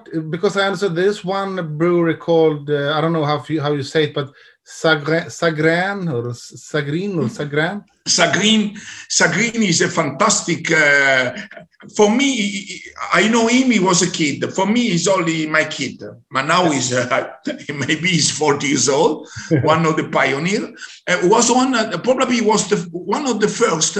I remember his beer was with Moscato because his area is famous for Moscato, Asti, Asti Spumante, Moscato, and Sagrin was one of the first. Sagrin, when I write about uh, IGA, the first I say is Nicola from Barley, but soon I say Sagrin and uh, Montegioco, Montegioco, a fantastic uh, brewer, and many, many others, ma- many, many, many to mention uh, the high quality. And now you are under attack, you know, because uh, some uh, US men, some American want to to to delete the the, the high. Uh, not, uh, ah, no, sorry, I, I try I try to explain. The rumors they don't want to call Italian grape ale. If you use French grape or American grape, you can call Italian grape ale. Mhm. And this is a, a, a silly thing, is a stupid because Italian grape ale is the style. You Yeah. can use a Swedish uh, wine, why not? Swedish grape, why not? I Yeah, respect a Swedish grape, or you don't call Swedish grape ale. You call Italian grape ale with Swedish grape. I think you agree with me. I agree. That's Uh, more in, like in Italy, we make a, no, and, and, uh, we make a lot, maybe too much American IPA. Uh, we don't call Italian IPA. It's American IPA made in Italy. Yeah, that's true. But uh, can, can you tell um, what you, the one that you the, you said in the beginning that was the first person doing um, Italian grape ale in, in Italy? What year was this? How how long time? See, uh, um, allora, the first one not to commercialize, not to trade the beer was Teo Musso Baladen. He's always the first. always. He, made the experiment because he's living in a wine uh, area uh, near Barolo, near uh, Barbaresco, uh, Le Langhe. So he made the experiment, but it, the beer was not uh, in commerce, was not on the market. And uh, the first probably was Nicola Pera from Barley, I think in 2007, 2008. Ah, okay, okay. Ma, ma, ma was not called Italian grape ale, eh? was, uh, was beer uh, using water wine. Um, uh, Frederick, I want to point out that um, 90% of our brewers uh, use wort for the Italian grape ale. Ma Italian grape, a grape is a generic name. You can make a grape ale not using wort, using grape, the rasped grapes. Yeah. Like the great, I, I forgot another great brewer in Italy, Walter Loverier from Lover Beer. Lover yeah, beer Lover- in Piedmont. He make only sour beer or or some spontaneous beer. Yeah, I understand. But uh, how many breweries would you say are making uh, g- a gr- Italian grape ale today in Italy, Ah. approximately? Many, many. Oh, it's impossible to say many, many, many. Ma, I, I profit for your question. It's a good question. If I gave you a number, for example, I can say 100, 150, Uh-huh. but uh, it's not important the number. It's important one thing for me. If you make an, an Italian grape ale, you have to do it as a project in your mind, not because it's a trend. Sometimes there's a magic. There are new flavor in, in an IGA, then uh, are different from the flavor of wine. But for me, it's important. We are drinking a beer. I say to the brewer, I don't want drinking a wine. I want drinking a beer related to the world of wine. Sometimes there are beers, there are wine, probably, eh, or natural wine, or biodynamic wine. Eh, eh, I don't like. I like. I like an IGA when it's beer. Eh, the great example in Italy are Barley, Lover Beer, Montegioco, Sagrin, uh, Clambaric, um, uh, Cadel Brado, oh, many, many, oh, there are many, there are many. Cantina Errante, uh, Sieman, Montpellier de Gardenia, is incredible. I, I- I'm brave to, to tell this name because sure, surely I forgot. Operbacco, Mama, I forgotten. I, I forgotten a lot. I forgot the 90%. Yeah. Uh, forgive me, forgive me. I understand. But I think it's very interesting because um, it is a natural Ah. Sorrento. Sorry, I forgot Sorrento. Fantastic brewer using the, the skin of the, of the famous uh, limoncello, the lemon of Sorrento in Ah, Naples. ah, so I okay. forgot. Uh, they- they organize also a special uh, IGA contest, the IGA contest. I forgot to say one thing. What bad thing? What ba- very bad thing? And now in Italy, there's the great trend of craft beer, so-called craft beer, and the, the, the great uh, multinational make beer that looks like craft beer, We have that in Sweden as well. unfiltered. Now everything is unfiltered, uh, and, and the customer is very confused. The consumer are very confused. In my uh, close to me, there's a fantastic uh, hypermarket, supermarket with 400 beers. 400. Wow. And also a corner of Italian. But in the Italian, there's mix the real craft and and and the multinational that looks like craft. Yeah. And this is a very bad bad thing. Do you, do you talk to the you talk to the people in the store and uh, or what what do you say? Oh, I, I'm aggressive. if you come, uh, if, if you organize a Swedish bus, Yeah. uh, I I can choose Piedmont, for example. Uh, we go to La Mumia, we go to Baladin, we go to Lombardy, we we go everywhere. Probably, I, I, I suggest you two trips. The first trips in northern Italy, then you come back the second trips in central and southern Italy. Okay. I want that you survive. If you if you make or you don't survive, you don't survive. Well, It sounds fantastic. And, uh, When, when- when you when you came back by bus, I I, I jump on your bus. it sounds perfect. Thank you. Ciao, Ciao. Ciao. ciao, ciao. Alltså, jag blev så charmad av den här, den här gubben. Alltså, Du jag, hade jag- också flockat på restaurangen där. ja, det hade jag definitivt trängt mig fram. Eh, Han är otroligt rolig. Och, Mm. Jag förstår att han, han pratar ju väldigt, väldigt mycket. Han låter nästan ingen annan komma till tals. Jag har ju sett honom live eh, och jag har hört historier om hur, han åkt bil i tre timmar med, med en, en kvinna som jag känner som, Ah. som där hon fick inte en sy. Han pratade tre timmar i sträck. det, har Samtidigt den är han ju ex, väldigt, väldigt charmig. Så Ja. man, man kan ju låta honom hålla sig en och en halv timme i alla fall. Ja, ja. Men sen tycker jag man ska få in någonting. Ja, umgås mycket med honom kanske hade varit lite jobbigt faktiskt. ja. Men jag blev ju intervjuad av honom, vi har berättat om det tidigare i Ölpölen, men att eh, när vi var på eh, Villaggio della Birra, en festival i Toscana, så var han lite konferenser då så fick man, eh, vissa bryggerier fick då gå upp på scen och så satt man i en, det är en gammal borg mer eller mindre, jättefin så här, så sitter gästerna där och så är han någon konferenser och så får man stå man i bryggerier och så kommer upp och så intervjuar Karlska liksom och så eh, innan mig så var Tisted, eh, Tisted eh, Brygghus. Brygghus där innan och sen gick jag upp och så började han förklara eller fråga så här, ja men vad hur startar ni och vad har ni haft för inspiration? Och så här, ja vi startade faktiskt som kontraktsbryggeri och det gjorde vi lite för så här att vi såg att Mikkel kunde göra det, Omnipoj och, och då han bara va? Det är ju det är ju världens avskum liksom så här hur och så fick jag förklara att så här, ah, nej men det var mer att jag jobbar ändå på bryggeriet och han bara ja, ja men det är bra och så det, men det jag minns mest är så här för att han översätter ju då liksom till Ja. italienska sen för publiken. för de som inte, för det var flest italienare där Ja. liksom så här. Och även om jag hade ganska korta svar så hade han jättelånga svar. Ja, ja, ja. så att han, han, själv, han, liksom. han bredde på lite grann tror jag. Ja. Men det var väldigt roligt var det. Han, Men- han, han, han, han berättade, vi fick, inte, vi fick klippa bort mycket i intervjun här för att eh, han pratade så mycket. Men han, berätt, han berättade, han är från Genua och han bedömer, han är med och dömer VM i pesto. Det låter helt underbart. Ja. Jag tyckte någonting av det intressanta han säger och att, att stora eh, jättebryggerier försöker då eh, hantverkswasha öl. Mm. Eh, och- Vilket vi ser här i Sverige också. Sådär. Men att det finns såklart i Italien Ja. också. Att han verkligen... Eh, men, men du har ju också snackat med eh, Agostino Arioli. Eh, och, och vem är nu det då? Det är ju grundaren eh, av Beneficio Italiano som eh, vi pratade om i början där, som startade bryggeri tidigt. En av de första som gjorde då eh, mycket tysk öl.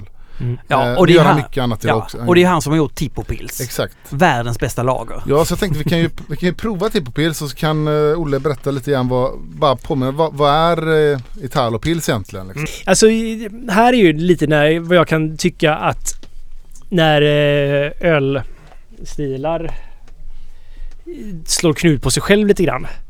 Det är ju ett... Eh, jag, jag, jag har dissat ölstilar tidigare och jag, det är som så här att ur ett form av hembryggningsperspektiv och tävlingsperspektiv så förstår jag ölstilar väldigt mycket.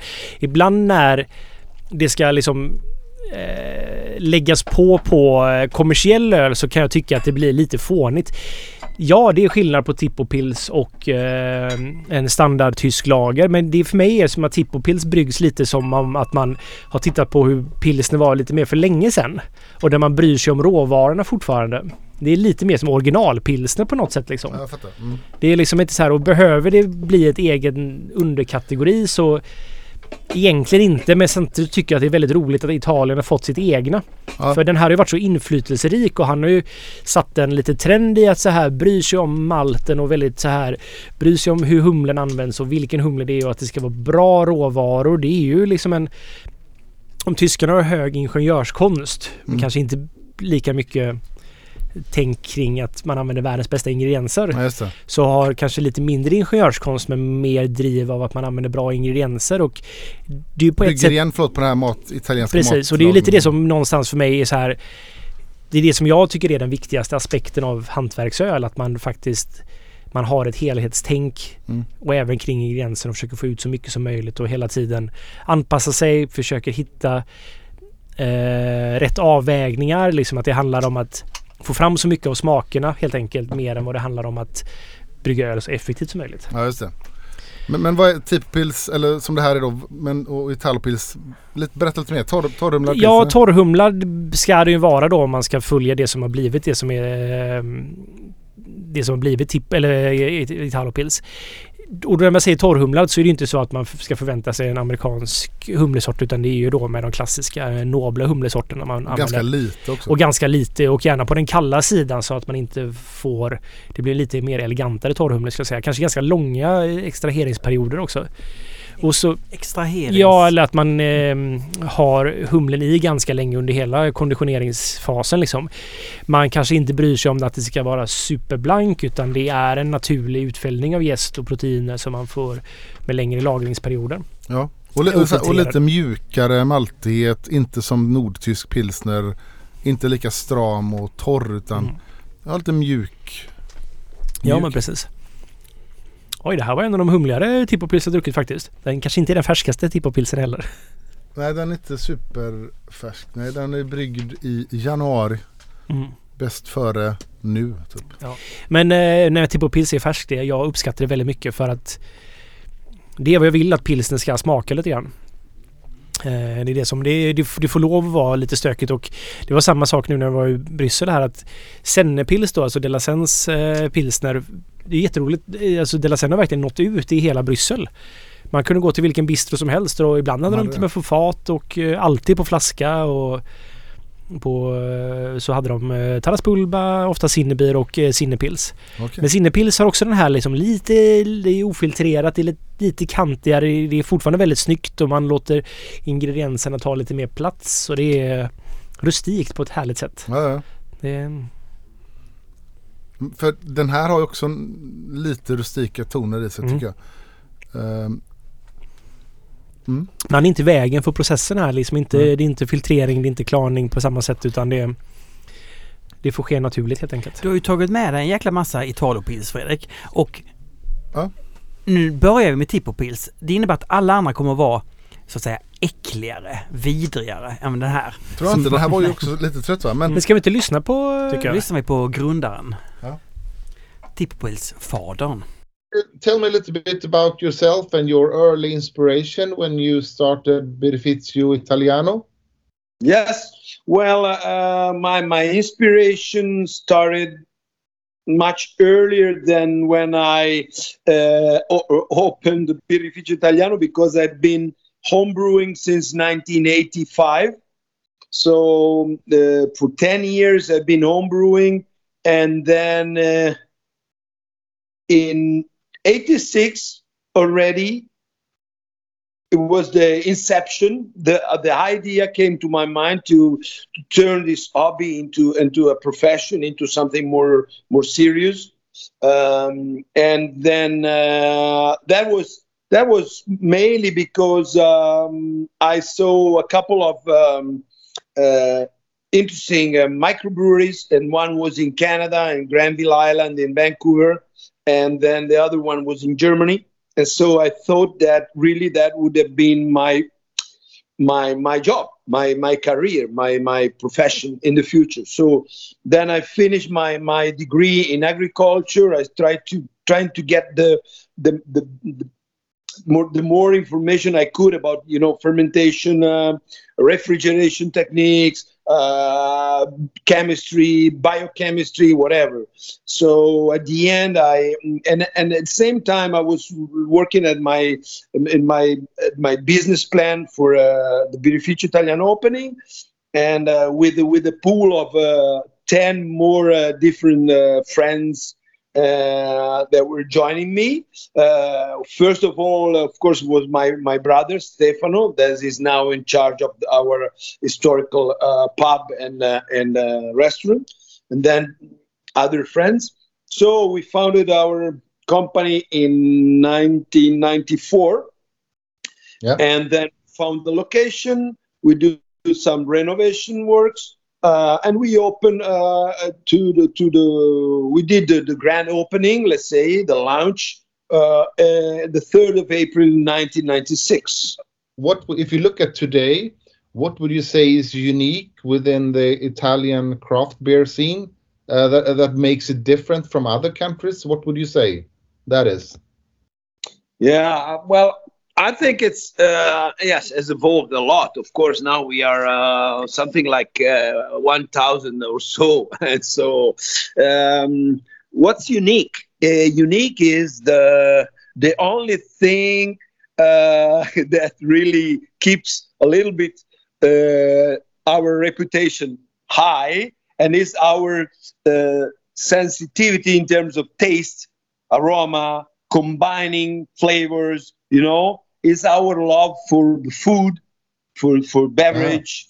So i think this helps a lot us italian brewers to uh, produce something.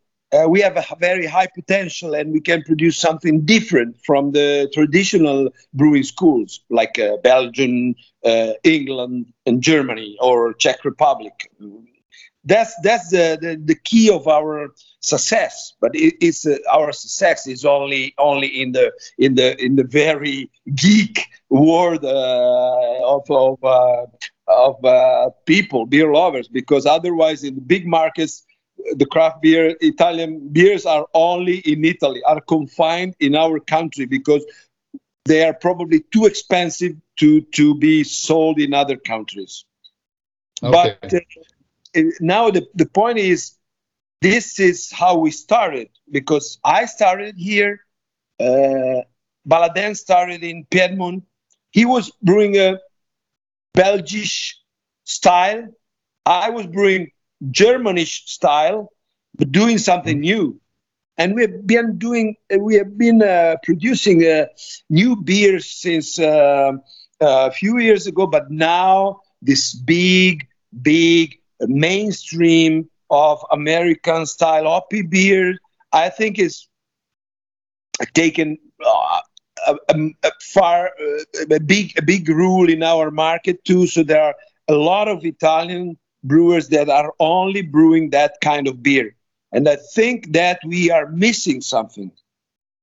We are Yeah. really going to miss our creativity our our our potential Uh, in what other ways would you say that uh, the Italian craft beer scene have changed since you started, in addition to what we just discussed and the influence of the US and so on? In what other ways have it changed? well the, uh, the average quality is much higher and there uh, there the many breweries now use a lot of uh, technology uh, something that i appreciate but even not too much let me say because uh, using uh, you know hop extract centrifuge um, stabilizer cleaning uh, cleaning uh, uh, medias like everybody does in, in the us for example but this helps you to brew cleaner beers more perfect beer but craft craft brewing is not about perfection Yeah, Craft interesting. brewing, in my opinion, is about uh, beers that reflect the senses, the heart, and the, the taste of one single brewer or a Yeah, team of, or a team of brewers, but a very special team of them. So That's the more the more we use um, stabilizing techniques of any kind, and the more, again, the beer will be similar one each other. Yeah, okay. So I am Then a you do- kind of a kind of uh, I started. I was the first to to establish a lab in my in my brewery more than twenty years ago. Yeah. Uh, so I love. I used to love technology, and I love it. But I love technology when I'm, we're talking about the best bottling machine that avoid oxygen intake because this doesn't mean that you are correcting the beer. You're just treating your beer in the, the best way possible, you know? I understand. Yeah. After the primary fermentation, I don't touch my beers. Okay. No way. But so that is uh, one of the one philosophy that you have that don't touch it after the the primary fermentation. Definitely, yes, yes. But interesting, and, and that leads us a little bit into one of your uh, flagship beers, the beer that is uh, one of the beers that is you're famous for. It's uh, the Tipo Pils, and it has become some kind of a, a cult beer, I would say. So, what is your view on what has happened to T- Tipo and why do you think it has become so popular? Well, there are many, many, probably many, you know, um, many things happen. Uh, well, the beer itself was uh, uh, a revolutionary normal beer. It, w- it was at, at least the first lager to uh, introduce to the customers the freshness of the hops. So at the very beginning in 1996, I started to do a double dry hopping. So the Tipo pills, this makes me laugh a little bit because now it's very trendy to say double dry hop. But Tipo pills was was when it was born in 1996 was double dry hop, both in primary fermentation and in maturation tanks. And then I stopped Yep. double dry hopping in 2012. But, But uh, why, by the way, why did you stop with that? Because we re- reuse our yeast and if you put some uh, free Uh, yeast in our fri- in your fermentation then it's very difficult to reuse the yeast because it's dirty you know? Uh, I and then I, I adjusted and i switched the timing of the maturation dry hop and i achieved more or less the same result without the first dry hopping okay Okay. so uh, then we, I first brought the taste of the fresh hop to the consumers. And this was something really new. I mean, not new, it was probably very old, but it, it came back after centuries to the mouth Yeah. and the tongues uh, uh, uh, of the people. And people did love it a lot. In Italy Yeah. first, in Italy first, and then um, it grew a lot. So this is the first story. This, the first thing is the more revolutionary of the normal beers. And it's the normal beer. It's balanced, it's easy drinking, not extremely extremely bitter, not at all. It's 33, 35 IBUs. So the bitterness is really, I mean, mellow, let's say. Second, second uh, fact, since uh, 15 years ago, uh, almost uh, 16 now, I established a festival in my place that was called the Pills Pride. Yeah, yeah, I know. Okay, I did want to celebrate this normal and easy drinking beer in a land where at that time the beer connoisseur were only drinking special beer with special in- ingredients, strong beer with the special storytelling around them. And I Yeah. said, guys, I think that a craft beer can even be a normal beer, a drinking beer, a pub beer. So I want to gather to together all the people uh, who are brewing hoppy lagers, let's say pills, in the same festival, so that you can drink normal beers without feeling ashamed. You know, you Yeah, yeah, easily. I call it Pils Pride. It was a Yeah. joke, course. And so I started even to import pills from all over the world, even from the US. Okay. Yeah. And um, third factor, very important, let me say. um, I started to judge the World Beer Cup. So when I, when I when I'm talking about judging beers in a competition, I know what I'm talking about because I've been judging at the World Beer Cup for many years and at the European Star too for at least eight editions. So I started judging in 2004 Yeah. in the US.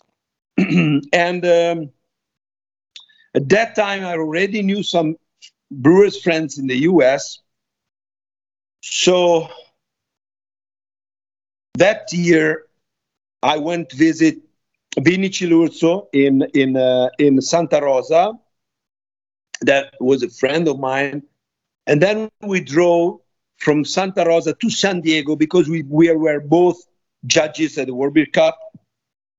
And driving down to from Santa Rosa to San Diego, we did a lot of interesting stop to meet uh, friends brewers, friends of uh, Vinny.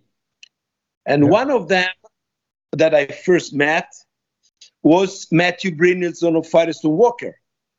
Yeah. After, so we became uh, friends, even with Matt. And uh, at a certain point, he came to Italy and he tried uh, the Tipo pills, and he was kind of inspired by, by, by the Tipo pills. And so he decided to brew his own um, uh, pills and uh, with dry, with dry hopping. And he himself, I didn't ask any credit from uh, Matthew, but he he's a really uh, really uh, friendly and professional brewer. So he explained all the story of this this Pivo pills, and he explained that he was born drinking the Tipo pills Yeah, yeah. and that and so this you can imagine gave a lot of uh, a lot of uh, popularity to to the tipo pills and to the people pills as well. Then uh, a bit later even uh, tim adams of oxbow started to brew a beer inspired by the tipo pills and other italian style pilsner italian uh, brew uh, pilsner brewed in italy with dry hopping. And he called it lupolo that means hop in Italian, and he wrote on the label Italian style Pilsner. Okay. And at the same time, we start organizing the Pilsen Love Festival, that it was a branch, it is a branch of the Pils Pride in the US. Yep. And the first festival was like kind of, uh, let's say, let me see, uh, six years ago in Maine, and it was an incredible success. Not because it was crowded, it was crowded, but it was a small festival with 60 pills on tap with no American ops because they are not allowed. Okay. Yeah, no. it was Yeah.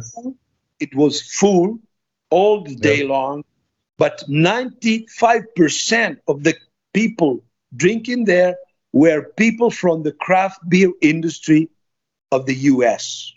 Brewers. Brewers. 90%. I, I'm, I'm still amazed about that festival because I met so many friends, you know, so many people brewing. Yeah. And uh, even even Vinny Ciluzzo started to brew his own uh, pills, and uh, then everybody, you know, everybody. Uh, of course, somebody was already brewing uh, some pills in, in the in the U.S., like the um, the one of um, the Victory Prima Pills, for example, was a very good beer, um, but it wasn't dry hop. Okay. So this is another interesting part of the story. And then uh, we found an importer, a crazy importer in the U.S. that uh, was bringing our beer very fresh into refrigerated bulk containers. So the Tipo Pills arrived very fresh in the U.S. and he was kegging and it um, after adding my my hop. So doing the latest the, the late dry hopping in his own tanks. Okay. So the Tipo pills. So people started to have Tipo pills available all around US. Of course, it was quite expensive, but people started to drink it, and so this helps a lot. Interesting. It- so it was so it was like uh, yeah, dry hopped and kegged uh, in the US. Yes, yes. Okay. Interesting. And so uh, in Italy, the progress, the the the the, the, the say that the, the situation was the same. Tipo Pills was growing a lot, and a lot of Italian brewers now. Many Italian brewers are brewing an, an, a, dry hop pilsner. Okay, so, but still, let me say, mm, I don't want to be uh, selfish, but uh, not selfish. I don't want to be too proud of, of my own beer, but it's the Tipo Pils is still something different because Yeah. we are not uh, brewing according to the traditional German recipes. So it's kind of different, not only because of the dry hop, but because it's more, uh, it's more, uh, let's say, subtle, elegant, less maltiness, more easy drinking, more gentle, you know, somehow. So it's still And- quite different. So, but could you explain what? Uh, because that's also my opinion that it's um, compared to Northern German Pilsner, it is uh, it is the the, the Tipo Pils is not as um, dry and and uh, it, it's more like this. Yeah, as you say, it's a little more rounder kind of flavor. How, how can you describe what makes it so special uh, in, the process? You have you have explained some of it already, but is it something else? Well? Well, of course, as it's uh, brewing is a, a matter of uh, hundred of different, uh, you know, uh, uh, parameters that uh, play. All of them play an important role. So the the the the, the brewing art is to combine all these things together and get what you want. And so it would take it would take a long time to describe all the process, and it, it would have been it, it would be like uh, uh, like uh, telling uh, uh, all the secrets of the beer. That I'll be honest, I'll be honest, are not so many. It's a very simple beer. It's a very simple beer. Maybe this is the secret. Yeah. By the way, uh, the yeast, of course, the water we use, um, the way we do our dry hopping, the mash profile, and um, These are probably the main factors, but then, then there are many others. Because w- one thing that I was uh, when I have read some uh, examples of like uh, home brewing uh, recipes of of uh, uh, tip, tipo pills, it's I'm I was more um, I would say surprised by the low level of dry hopping. Uh, but it is important. Do you think it's important to keep that on a very low level? Yes, it is definitely. Um, we brew. Consider that we brew um, in uh, uh, uh, during the year. We brew six different variations on the pills team. Okay, the tipo pills is the one that we brew all the year long. It's our standard. It must be really balanced. It must be subtle It's a kind of a beer that people drink for their life. People start drinking, same people are drinking Tipo Pills since 25 years. Yeah. It still is the main beer, you know? So it must be balanced. It's not, uh, it's not a beer that is designed uh, for this kind of pubs where the tap rotation turnover is very quick, you know, because if you if you work like this as a publican, you need beers that are more shouted. Okay. Tipo Pale is designed as a resident beer Yeah, I understand. For for uh, for um, those uh, regular consumers. Yeah. So it must be balanced. Then we brew uh, extra hop with uh, tons of uh, hop cones.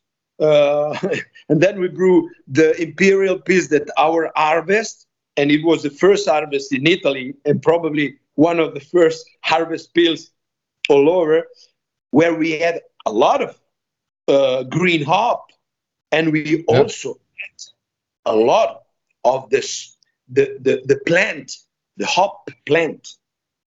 So Aha. I do a lot of research, and I can we can brew some extreme pill style beers, but we don't want the people to be extreme. I understand. So, but do, do you still do that, uh, the, the fresh hop uh, Pilsner variant?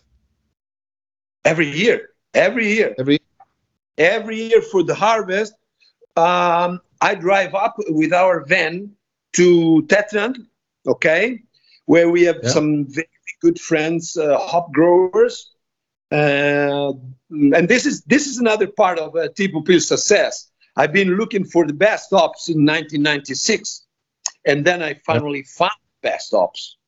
But it took a while because the German hop growers they were a little bit, you know, ups, not not upset, but uh, real a little bit scared about a, an Italian brewer asking to take their hops.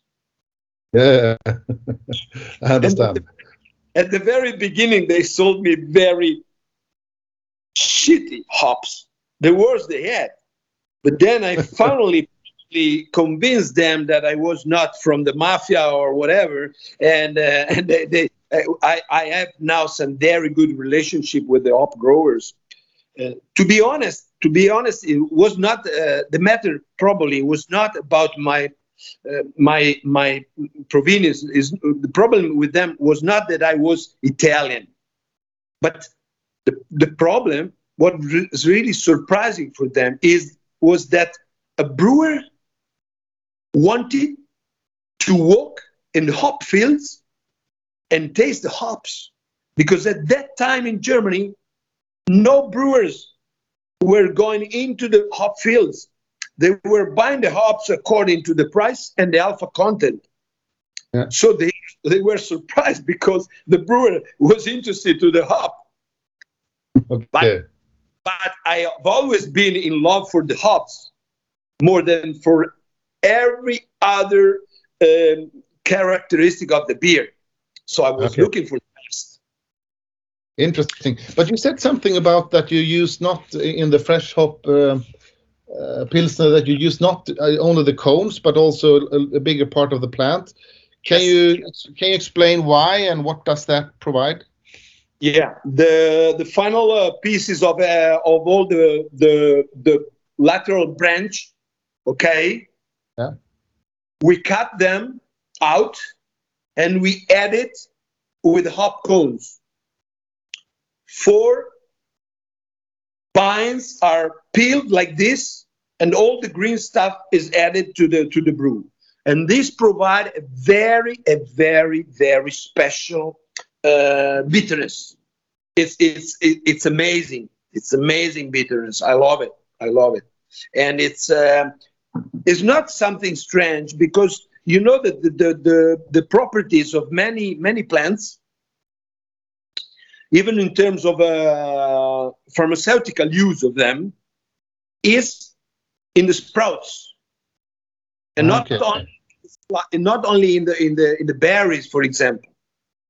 No. So I have an example: the the black currant. Okay, you berries normally, but the sprouts, the the, the, the, the the stems, they they contain a lot of a lot of aroma, and with the hop, in a lower uh, rate, but is is the same. So you get you get you get a very interesting uh, uh, result if you use part of the of the plants. Wow, I, I have never heard of that. It's, it's interesting, fantastic. No, no. I, I've, I've been I've been doing this in you know experimental brew, uh, trying to use the hops in any way, in any possible way. So we also we also uh, use uh, uh, roasted uh, hops, hop pellets in one of our beers, the Nigredo. Yeah. And in one of our uh, champagne style beers, we do the dry hopping into the bottles. So one Okay. point gram of hop per bottle.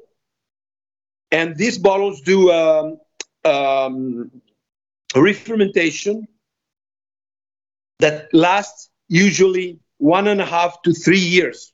So imagine a Oh. one and a half to three years long dry hopping in the bottle. That's fantastic. we have a lot of fun with the hops. We love hops, but not only that. not only with the with the idea of double IPAs in our mind. You know.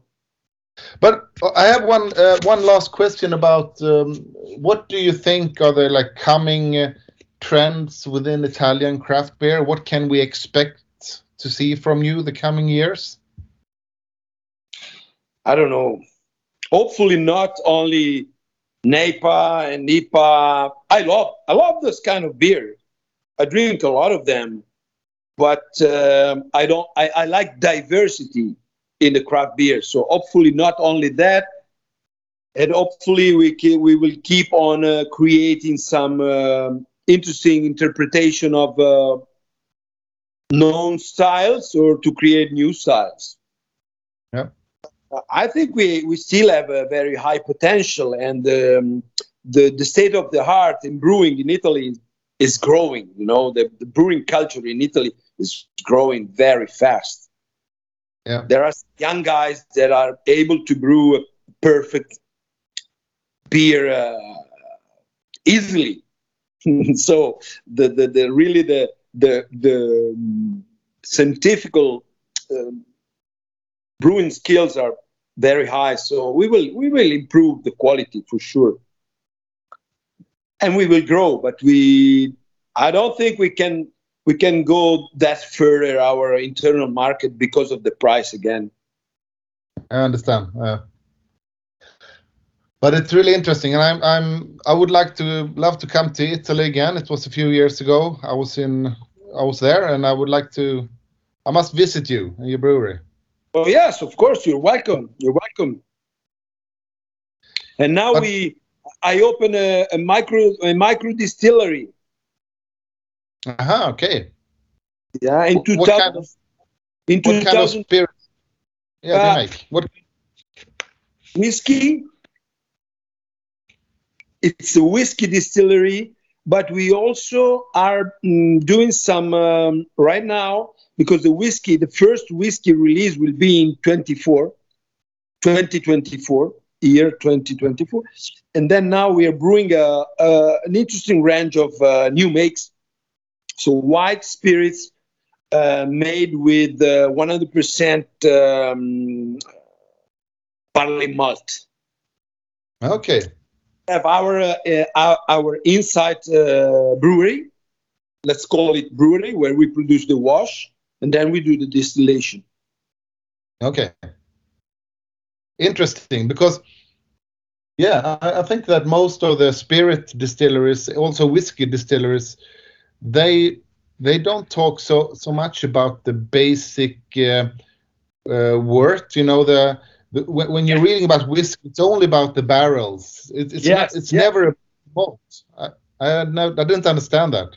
Exactly, you're totally right, and that's what we are doing. That's what is new. That we are Okay. have a very uh, important focus on the wash. I'm a brewer, so I love the fermentation, and I, I know that with the proper wash, I can bring, and with the proper distilling uh, skills, of course, I can bring into my my spirits a special touch. Yeah fantastic. I look forward to try that when it's ready. Yeah, yes, why not? It would be great. But uh, Agostino, thank you a lot for your time. It was a pleasure talking to you. Um, really, really interesting. And uh, I will send you the link so you can listen to the interview when it's ready. Yeah, okay. Okay. Okay. Yeah. And if you need That's- any further information, just write me or call me, whatever. Okay. I will. will. And uh, hopefully we'll see you in, in, in real life soon. So take care. Take care. Have a nice Bye-bye. day. Ciao. Ciao. Bye. ciao. Ja, men det var ju ändå intressant att höra Ja. honom prata om hur, hur, hur han torr, hur, kom på det här med, med, med torrhumlingen och hur viktigt Alltså att man verkligen kan få Ja, att nyupptäckt intresse för humle liksom Ja. egentligen. Ja, Det verkligen. var Och, väldigt roligt att du fick till en intervju med honom faktiskt. Ja. Jag tänker att han är ändå ganska en eftertraktad person. ja, man var på gott humör och även där är det en längre intervju. Vi tog inte med allt nu.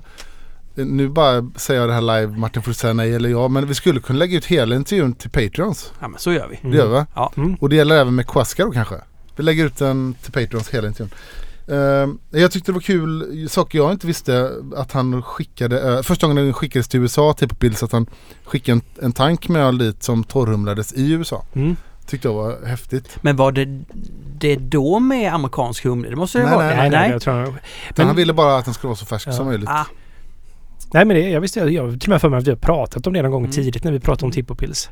Därför jag vet att eh, för han var så extremt kvalitetsmedveten att det var mycket bättre att om man ska sälja på amerikanska marknaden så är det bättre att skicka i en tank faktiskt med kylning hela vägen och så får det paketeras där. För att det är när man paketerar som man inför syre och den börjar degradera på ett annat sätt liksom. Ja, Okej, ja, det var spännande. Och, Det, Jag det, är ju- det är ju tar det extremt långt kvalitetssäkerhet Ja. får man ju säga. men också kul att han är så, så här, råvaruintresserad också. Så här, liksom testar humle på olika sätt. Använder liksom hela humleplantan i vissa öl, inte bara kottarna. Ja, att han gillar den. Det är liksom att det är mer än bara själva kottarna och lupulinpulvret som... Exakt. Jag tycker det var Jag- intressant det han sa, den här jämförelsen som han sa med eh, eh, vad sa han, svart, svartvinbär. Att bladen Mm, luktar liksom mer än, än vad själva bäret än gör. bäret liksom. gör. Och, och humle är ju lite också sånt att det finns andra toner i både, Precis. både Precis, bladen och vad Ja. säger man? The wine eller vad heter Ja. det här? stam, Stammen. Ja, precis. rot. Och det är ju samma. Idag är ju trenden att man ska liksom nästan extrahera lupulinpulvret från humleplantan så man slipper så lite växtlighet som möjligt. Och det är ju lite den här att nu använder vi sådana enorma mängder humle när vi gör New England IPA att då vill man inte ha det här växtliga medan då i den här typen av öl så kan det vara lite gott med den typen av smak också. Liksom. Att Ja. använda ja, det gröna får vara med också. Och, och sen det här han pratade om att han rostade humlen i den här Nigredo. Jag har faktiskt med den, jag vet inte om vi hinner prova den. Men det tycker jag är skitspännande. Det, också- måste vi prova. Ja det måste vi göra. Nu! Ska vi, ska vi paja våran Italopils smaklökar? Ja. Också sån cool grej. Det har, varför, det har ingen, varför har ingen tänkt på det? Att man kan jobba på lite olika sätt med humle. Ja, det har all, men det är aldrig en tanke som har slagit mig om man ska rosta humle. Nej. Eh, det är någonstans i mig så... Det är som galen idé. Att jag tror att det har skett av misstag. Fast jag vet inte hur man skulle kunna göra det här på misstag på något sätt. Jag tänker att det är väldigt svårt att rosta humle för man... Den börjar brinna bara. Mm, alltså nu, det här är ju, det är ju rökigt det här. Jag älskar rök. Rök är det nya. Eller gamla menar jag. Åh, trevlig doft. Ja, väl, den, den, jag blev väldigt eh, förvånad över doften faktiskt. Det, det smakar väl bara som en Rauchbier det här. Det är ju inget konstigt. Jag, grejen är jag, jag beställde lite öl för ett tag sedan då. Och då var det här ölet med. Jag hade ingen tanke att jag skulle prova det här idag. Ja, okej. Så mejlade jag honom igår. Och frågade bara om det här ölet. Och han sa ju att han vill gärna höra vad vi tyckte om det efteråt. Han älskar det här ölet. Han menar att han genom att rosta humlen. Han är ju lite pretto på ett skönt sätt. Ja, det är han. Det är Så får han till bryggan mellan rostad malt och humle genom att rosta humlen. Så det blir som en bridge däremellan. Jag förstår vad menar. Det här var faktiskt... Här, jag har druckit den här ölen tidigare. Inte tänkt så mycket. Jag, nu blir jag faktiskt lite så här... Shit vad... Det här var ju faktiskt en riktigt, riktigt... Svingott. Det är Och en ganska unik öl också. Ja, men det här skulle kunna vara en Black IPA liksom. Ja men nästan liksom. För att den har en tydlig humle. Det är som en, liksom en lite rökigare version av en humlig svartsby på något Ja, sätt ja. liksom. Faktiskt.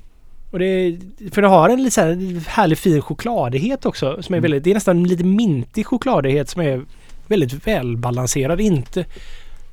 Det här är ju en öl som... Det här har vi en matöl på riktigt. Mm. Här har vi någonting som jag gärna hade sett på en, eh, en fine dining restaurang.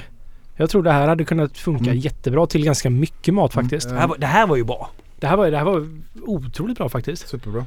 Jag vet inte om vi fick med det i intervjun men han pratade om, eller han klippte bort det, Patrons får höra detta, men han Mm. pratade lite om problemet med italiensk hantverksöl är att den blir så pass dyr så därför tror han inte riktigt på någon stor exportmarknad för ex- italiensk öl.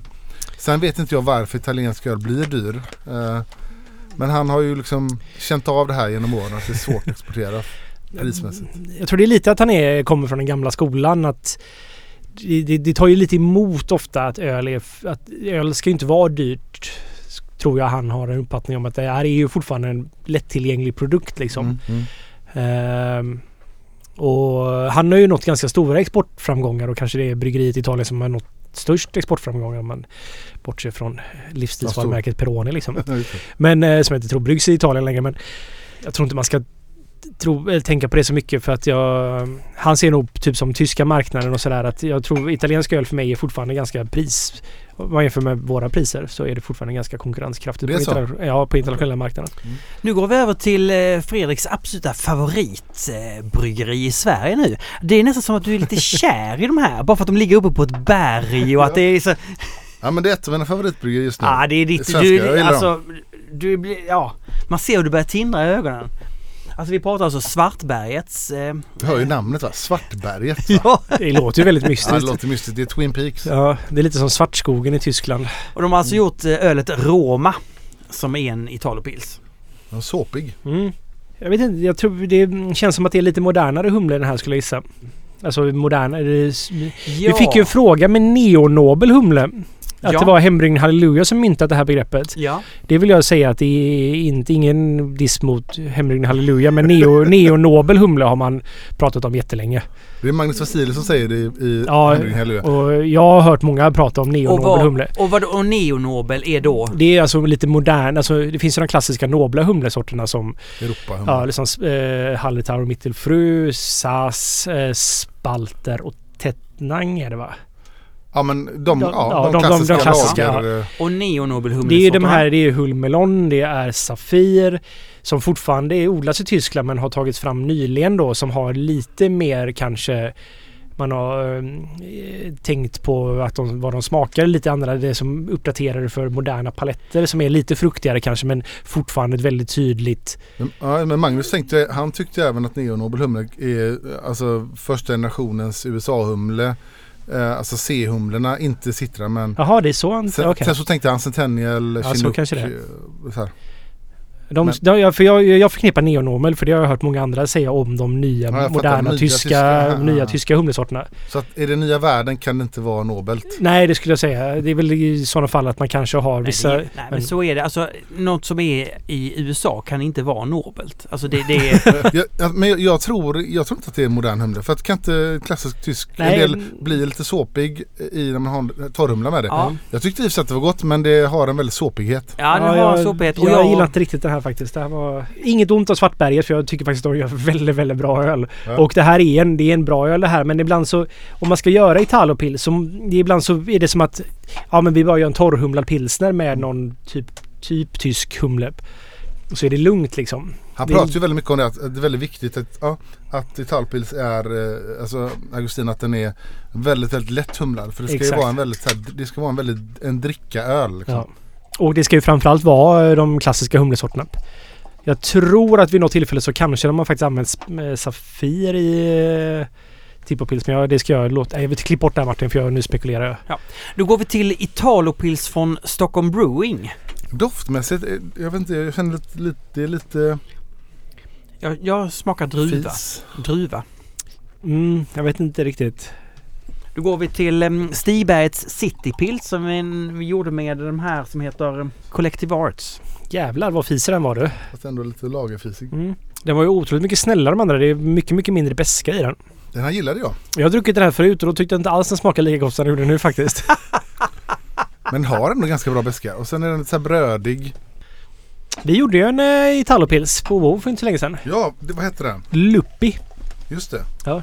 Hade vi inte den på vår releasefest eller på vår femårsfest menar du? Det hade vi nog faktiskt. Jag var faktiskt väldigt nöjd med den. Den torrhumlade vi med Safir fast i väldigt liten utsträckning. Ehm, jag blev faktiskt väldigt nöjd med den. Jag eh, hoppas att vi ska brygga den igen. Nu går vi till Remmalöv och Också- Quattro Italian Pils. Det här var den humligaste av dem. Definitivt. Tydlig torrhumlings... Ja, ganska okej faktiskt. Den, eh, den här har nog lite... Jag känner att den har jäst lite på burk i smaken. Ja, eh, Mm. och det tycker du är lite nackdel? Ja, det tycker jag faktiskt. Jag kan ibland känna som att det är som att man miss, misstolkar Italopils. Att lite grann att Hur då? eh, man ska fortfarande jäsa en eh, bra, bra lager liksom. Det, Ja. får, det får vara lite fruktigare toner från jäsningen. Det får det lov att vara i en Italopils. Man ska gå på den nya typdefinitionen av det liksom så här. Och det, det tycker jag kan höra till att det ska vara en tydlig. Men det, det, ibland så kan jag känna att så här, jag dricker mycket att den saknar elegansen lite grann för att det fortfarande en- det ska vara en fin jäsning liksom. Men kanske åt det, i det fruktigare hållet liksom. Man behöver inte dra det för mycket. Nej, det, det jag slås av att alla de här svenska har exakt samma och det är inte humle utan det är eh, jäsning att den är det är lite fruktigt i det. Ja och sen lite fisig. Alltså att den är Mm. lite jag tycker de är lite Och sen lite såpiga. Ja, lite såpiga och, det, och lite för fruktiga nästan skulle jag säga. Ja, Det har ja. varit lite gemensamma nämnare här. Absolut. En av de absolut snyggaste Italopils jag har druckit det är faktiskt Oxbows eh, som var en av de första amerikanska Italopils. Det är ju Oxbow och det pratade han ju om i intervjun. Just det. Precis. Och eh, vad heter de? Firestone Walker. Firestone Walker eh, har ju varit- väldigt öppna med att de blev väldigt inspirerade av Tippils. Han pratade om det i intervjun. Ja. Eh, Och, det, och det, även STs pils är lite åt det hållet. Ja, Russian precis. River. Russian Rivers, ja. Och, men det, det är ju så här, och där är ju det som att så här, det är ju- handlar om att brygga pilsner där man tittar tillbaks lite grann och har ambitionen att brygga en så välsmakande pilsner som möjligt. Att man ser till råvarorna. Inte någonting som bara ska gå snabbt och enkelt.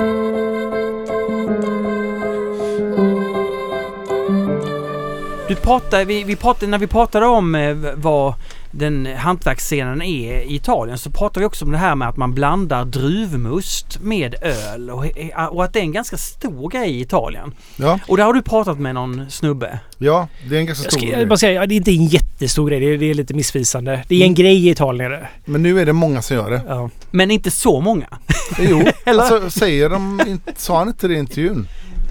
Ja, Nej, kanske inte gjorde. Men, men eh, det, alltså nu, just nu är det rätt många som gör det. Ja, är man på en ölfestival med italienska bryggerier så är det ganska påtagligt att det finns Grape Ale. Men jag skulle säga att det inte är jättevanligt om man går ut och dricker öl i Italien. Att Nej, okej, Grape Ale. förstår. ah. Det har väl inte nått en stor massa så sett Nej, egentligen. nej det, det stämmer nog. Utan de försöker väl, de som gör det försöker pusha det. IGA, Italian Grape Ale. Och eh, ett av de bryggerier som gör det här mest är ju Sagrin som även eh, Quasca nämnde. De eh, har gjort ett antal sådana Italian Grape Ales.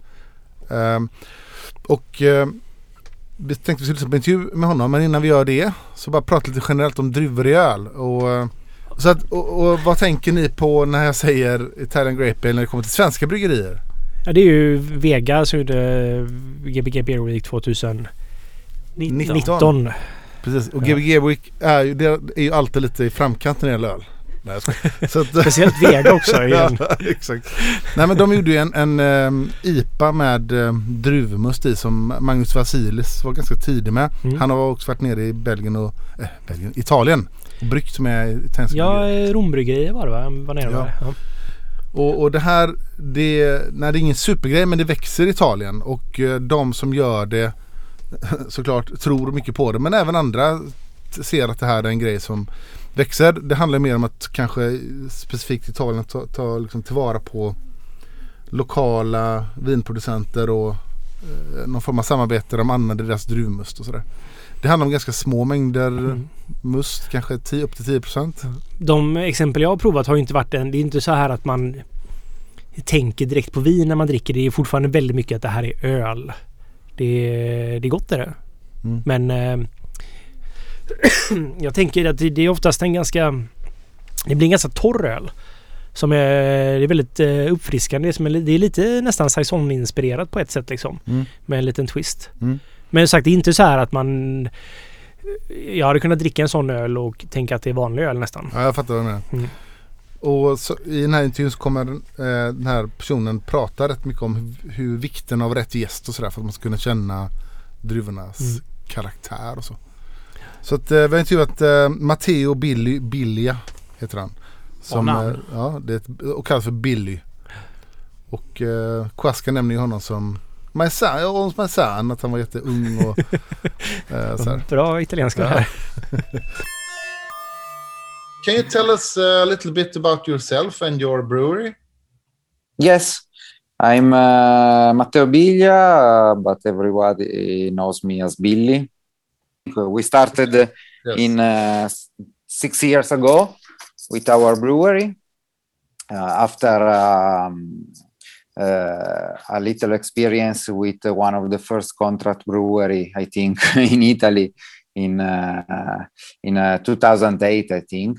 Yes, it's about 2008, and uh, we brew um, some beer, and one of these was the the grandmother of our uh, one of the our IGA, and uh, six years ago we start our uh, brewery.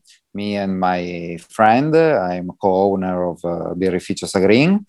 Uh, we are in uh, Monferrato area, and uh, we want uh, to work strictly with territory. And uh, we the first beer that we make in uh, our brewery was an IGA, an Italian grape ale, made with Moscato, and it's um, we we make also standard classic style, but uh, uh, we are focused on uh, on Italian grape Pale because we want to to, link our product uh, with our territory, and also I think uh, Italian grape Pale is a great opportunity for Italian beer.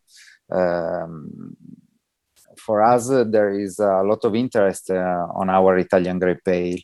and um, so is uh, uh, what what we try to do.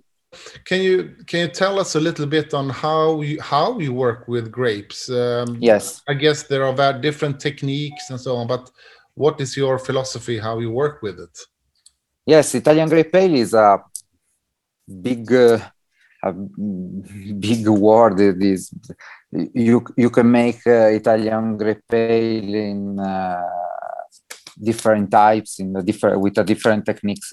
We usually use uh, this technique. We we add must, that is the grape juice.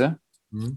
Uh, we add must at the beer uh, when the beer is uh, start fermenting. So we make the beer, uh, we make the, the wort of the beer, we add the yeast, is usually beer yeast. We found uh, after a long time uh, a beer yeast that is very interesting, work well with uh, uh, biotransformation of uh, uh, aromas in wine is very, very interesting. And um, the day after, we go to the winery and we take the, the must and uh, we add uh, to the fermenting tank. So it ferment uh, with the beer. So Yeah. the, the aroma stay inside. It's very, very full of aroma. We, don't add so much uh, must because uh, all, all aromas stay inside the beer. I understand. And uh, uh, with uh, the three IGA, the, the, the, the first three IGA that we make, uh, we use this, this, this technique. Uh, but uh, for here, I try to work also with uh, wine yeast, but wine yeast is not easy to Okay. work uh, with in beer because uh, the wine yeast is uh, selected to ferment uh, simple sugar, to ferment the wine, the, the, the must, the grape. So it's not easy to work uh, in beer for, for me I understand. I understand. and uh, after after after a lot of year to to research uh, and study we we find a way that i think is a very interesting way. And uh, we we produce our four, fourth um, iga that is uh, is very similar to the Samos, that is the IGA with Moscato, but is fermented uh, with a strain uh, of yeast, a yeast strain that come from the that is used to fermenting uh, Moscato wine, and uh, it's very very interesting. We we found uh, well a trick because uh, uh, we we we make a, a brut IGA like brut IPA. We starting using uh, amylase enzyme to convert all um, sugar in simple sugar. So it totally fermented, very very dry, but full of aroma. It's, Mhm. it's a good way now we want to work with.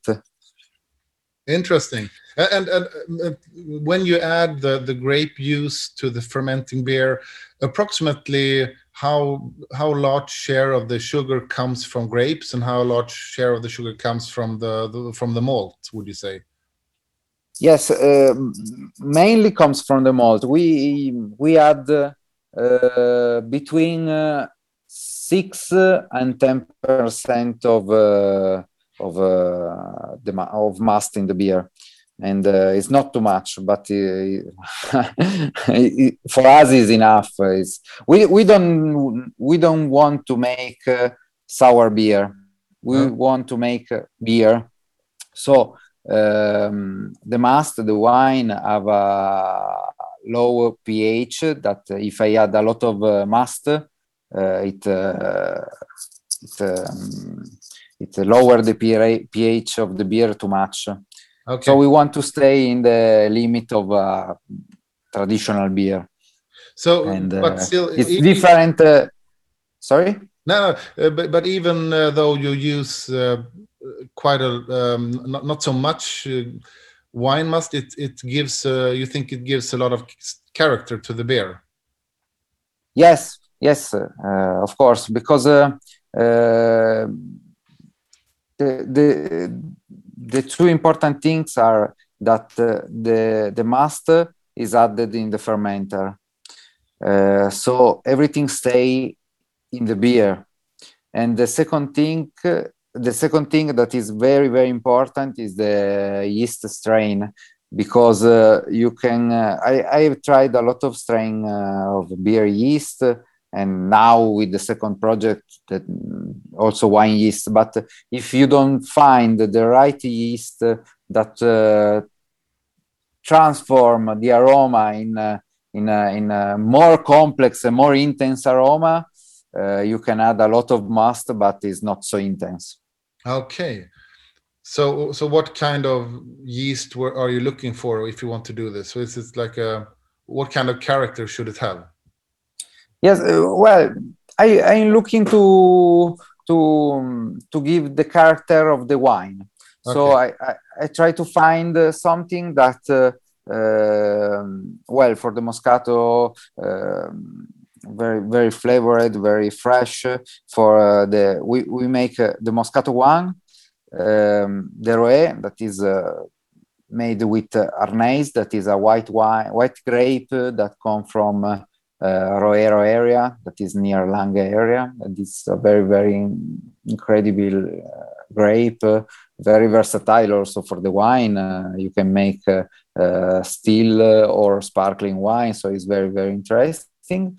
And the third uh, must that we use is uh, Barbera must that come from Nizza Monferrato.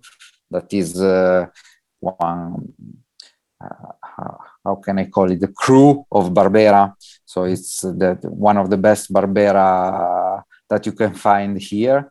And uh, it's also very, very intense. And I, I try to um, add, the beer I try to give up uh, the, the the aroma of the wine, mainly the aroma, also the taste, but mainly the aroma, the nose, and um well, we try to make this this thing, uh, and uh, you you must find uh, absolutely the right yeast, the right uh, strain of yeast.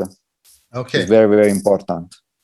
And how, how would you describe the character that you get from the grapes? Is it uh, subtle fruitiness or how, how would you describe it?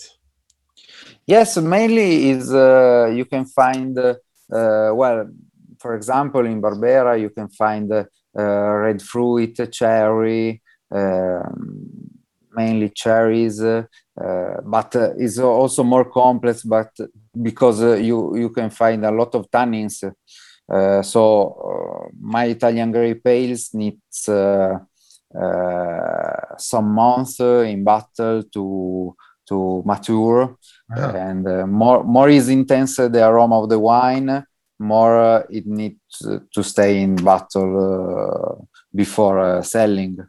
Oh, and uh, yes and uh, the the barbera one stay at least uh, six months uh, in bottle and uh, the roe one uh, uh, with arnais uh, at least three months because uh, it needs time to to transform uh, the bitter tan- tannins in uh, more sweet tannins. Uh, they need time to be more uh, round, uh, and uh, so is what we we make. But, do you also use um, uh, barrel aging in, in, in oak or wood of, of that beer or? No, for now, for now, no. Uh, I have a few ideas, but uh, uh, for now we work only with uh, stainless steel, Okay. not uh, not barrel.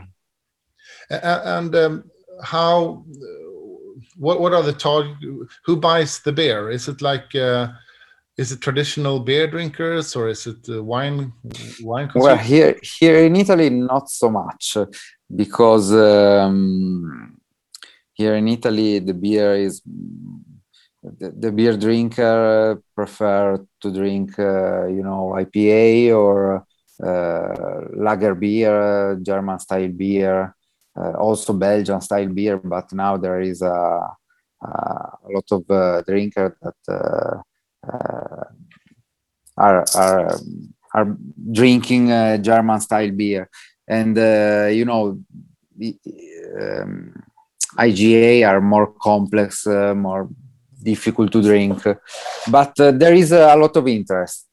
There Okay. is a lot of interest, and there is. Uh, I, I found a lot of interest uh, in uh, uh, outside Italy. I sell uh, well uh, in uh, in Belgium. I sell well also outside the um, United UA, and Yeah. uh, so it's uh, there is a lot of interest uh, in.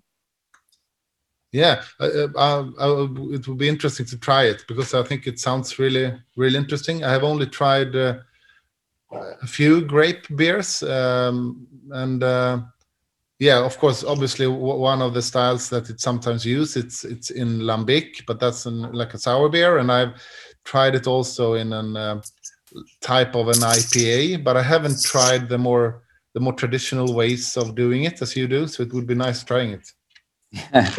Uh, well, we, we we we try to talk about also.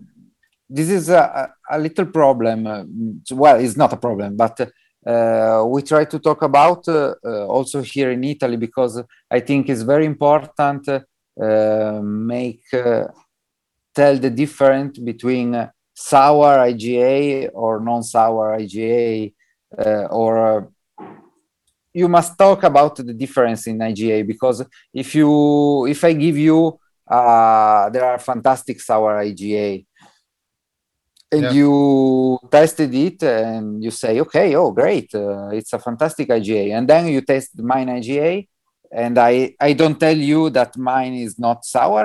You tell me well but it's not the same it's different. What is the the, the, the right IGA no it's not the right IGA there are many techniques and uh, a lot of uh, possibility to make an IGA. I hope uh, that uh, uh, that uh, Italian grape ales uh, uh, will be more sold, and uh, because I think for Italy is uh, is very important. Uh, uh, till BJCP write about Italian grape ale, uh, there was a strong uh, strong uh, you know interest in and Yeah. uh, i think Yeah. it's very important that, that uh, italian brewers starting to work uh, with and uh, Ja, Italian Grape Ale. Intressant utifrån förutsättningarna i Italien. De har närheten till det här och tillgång till råvaran. Kanske inte blir någon stor grej här. Men Nej, det kan jag- bli en grej där. precis.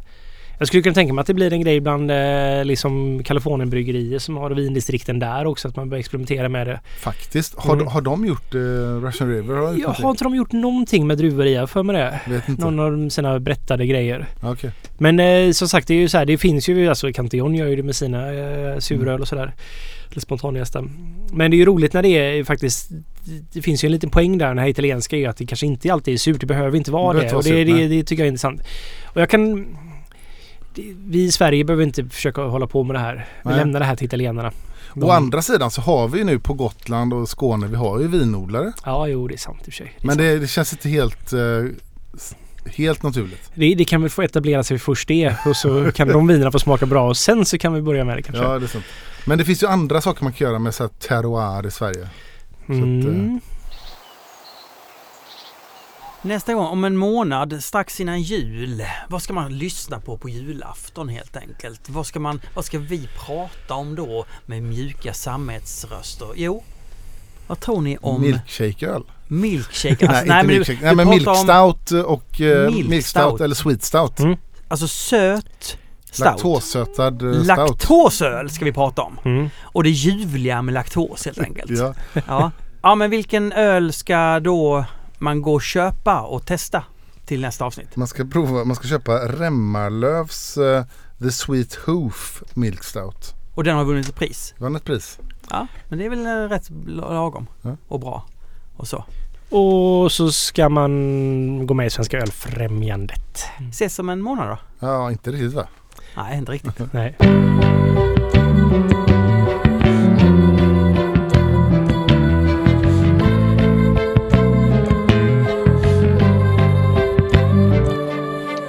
Hey.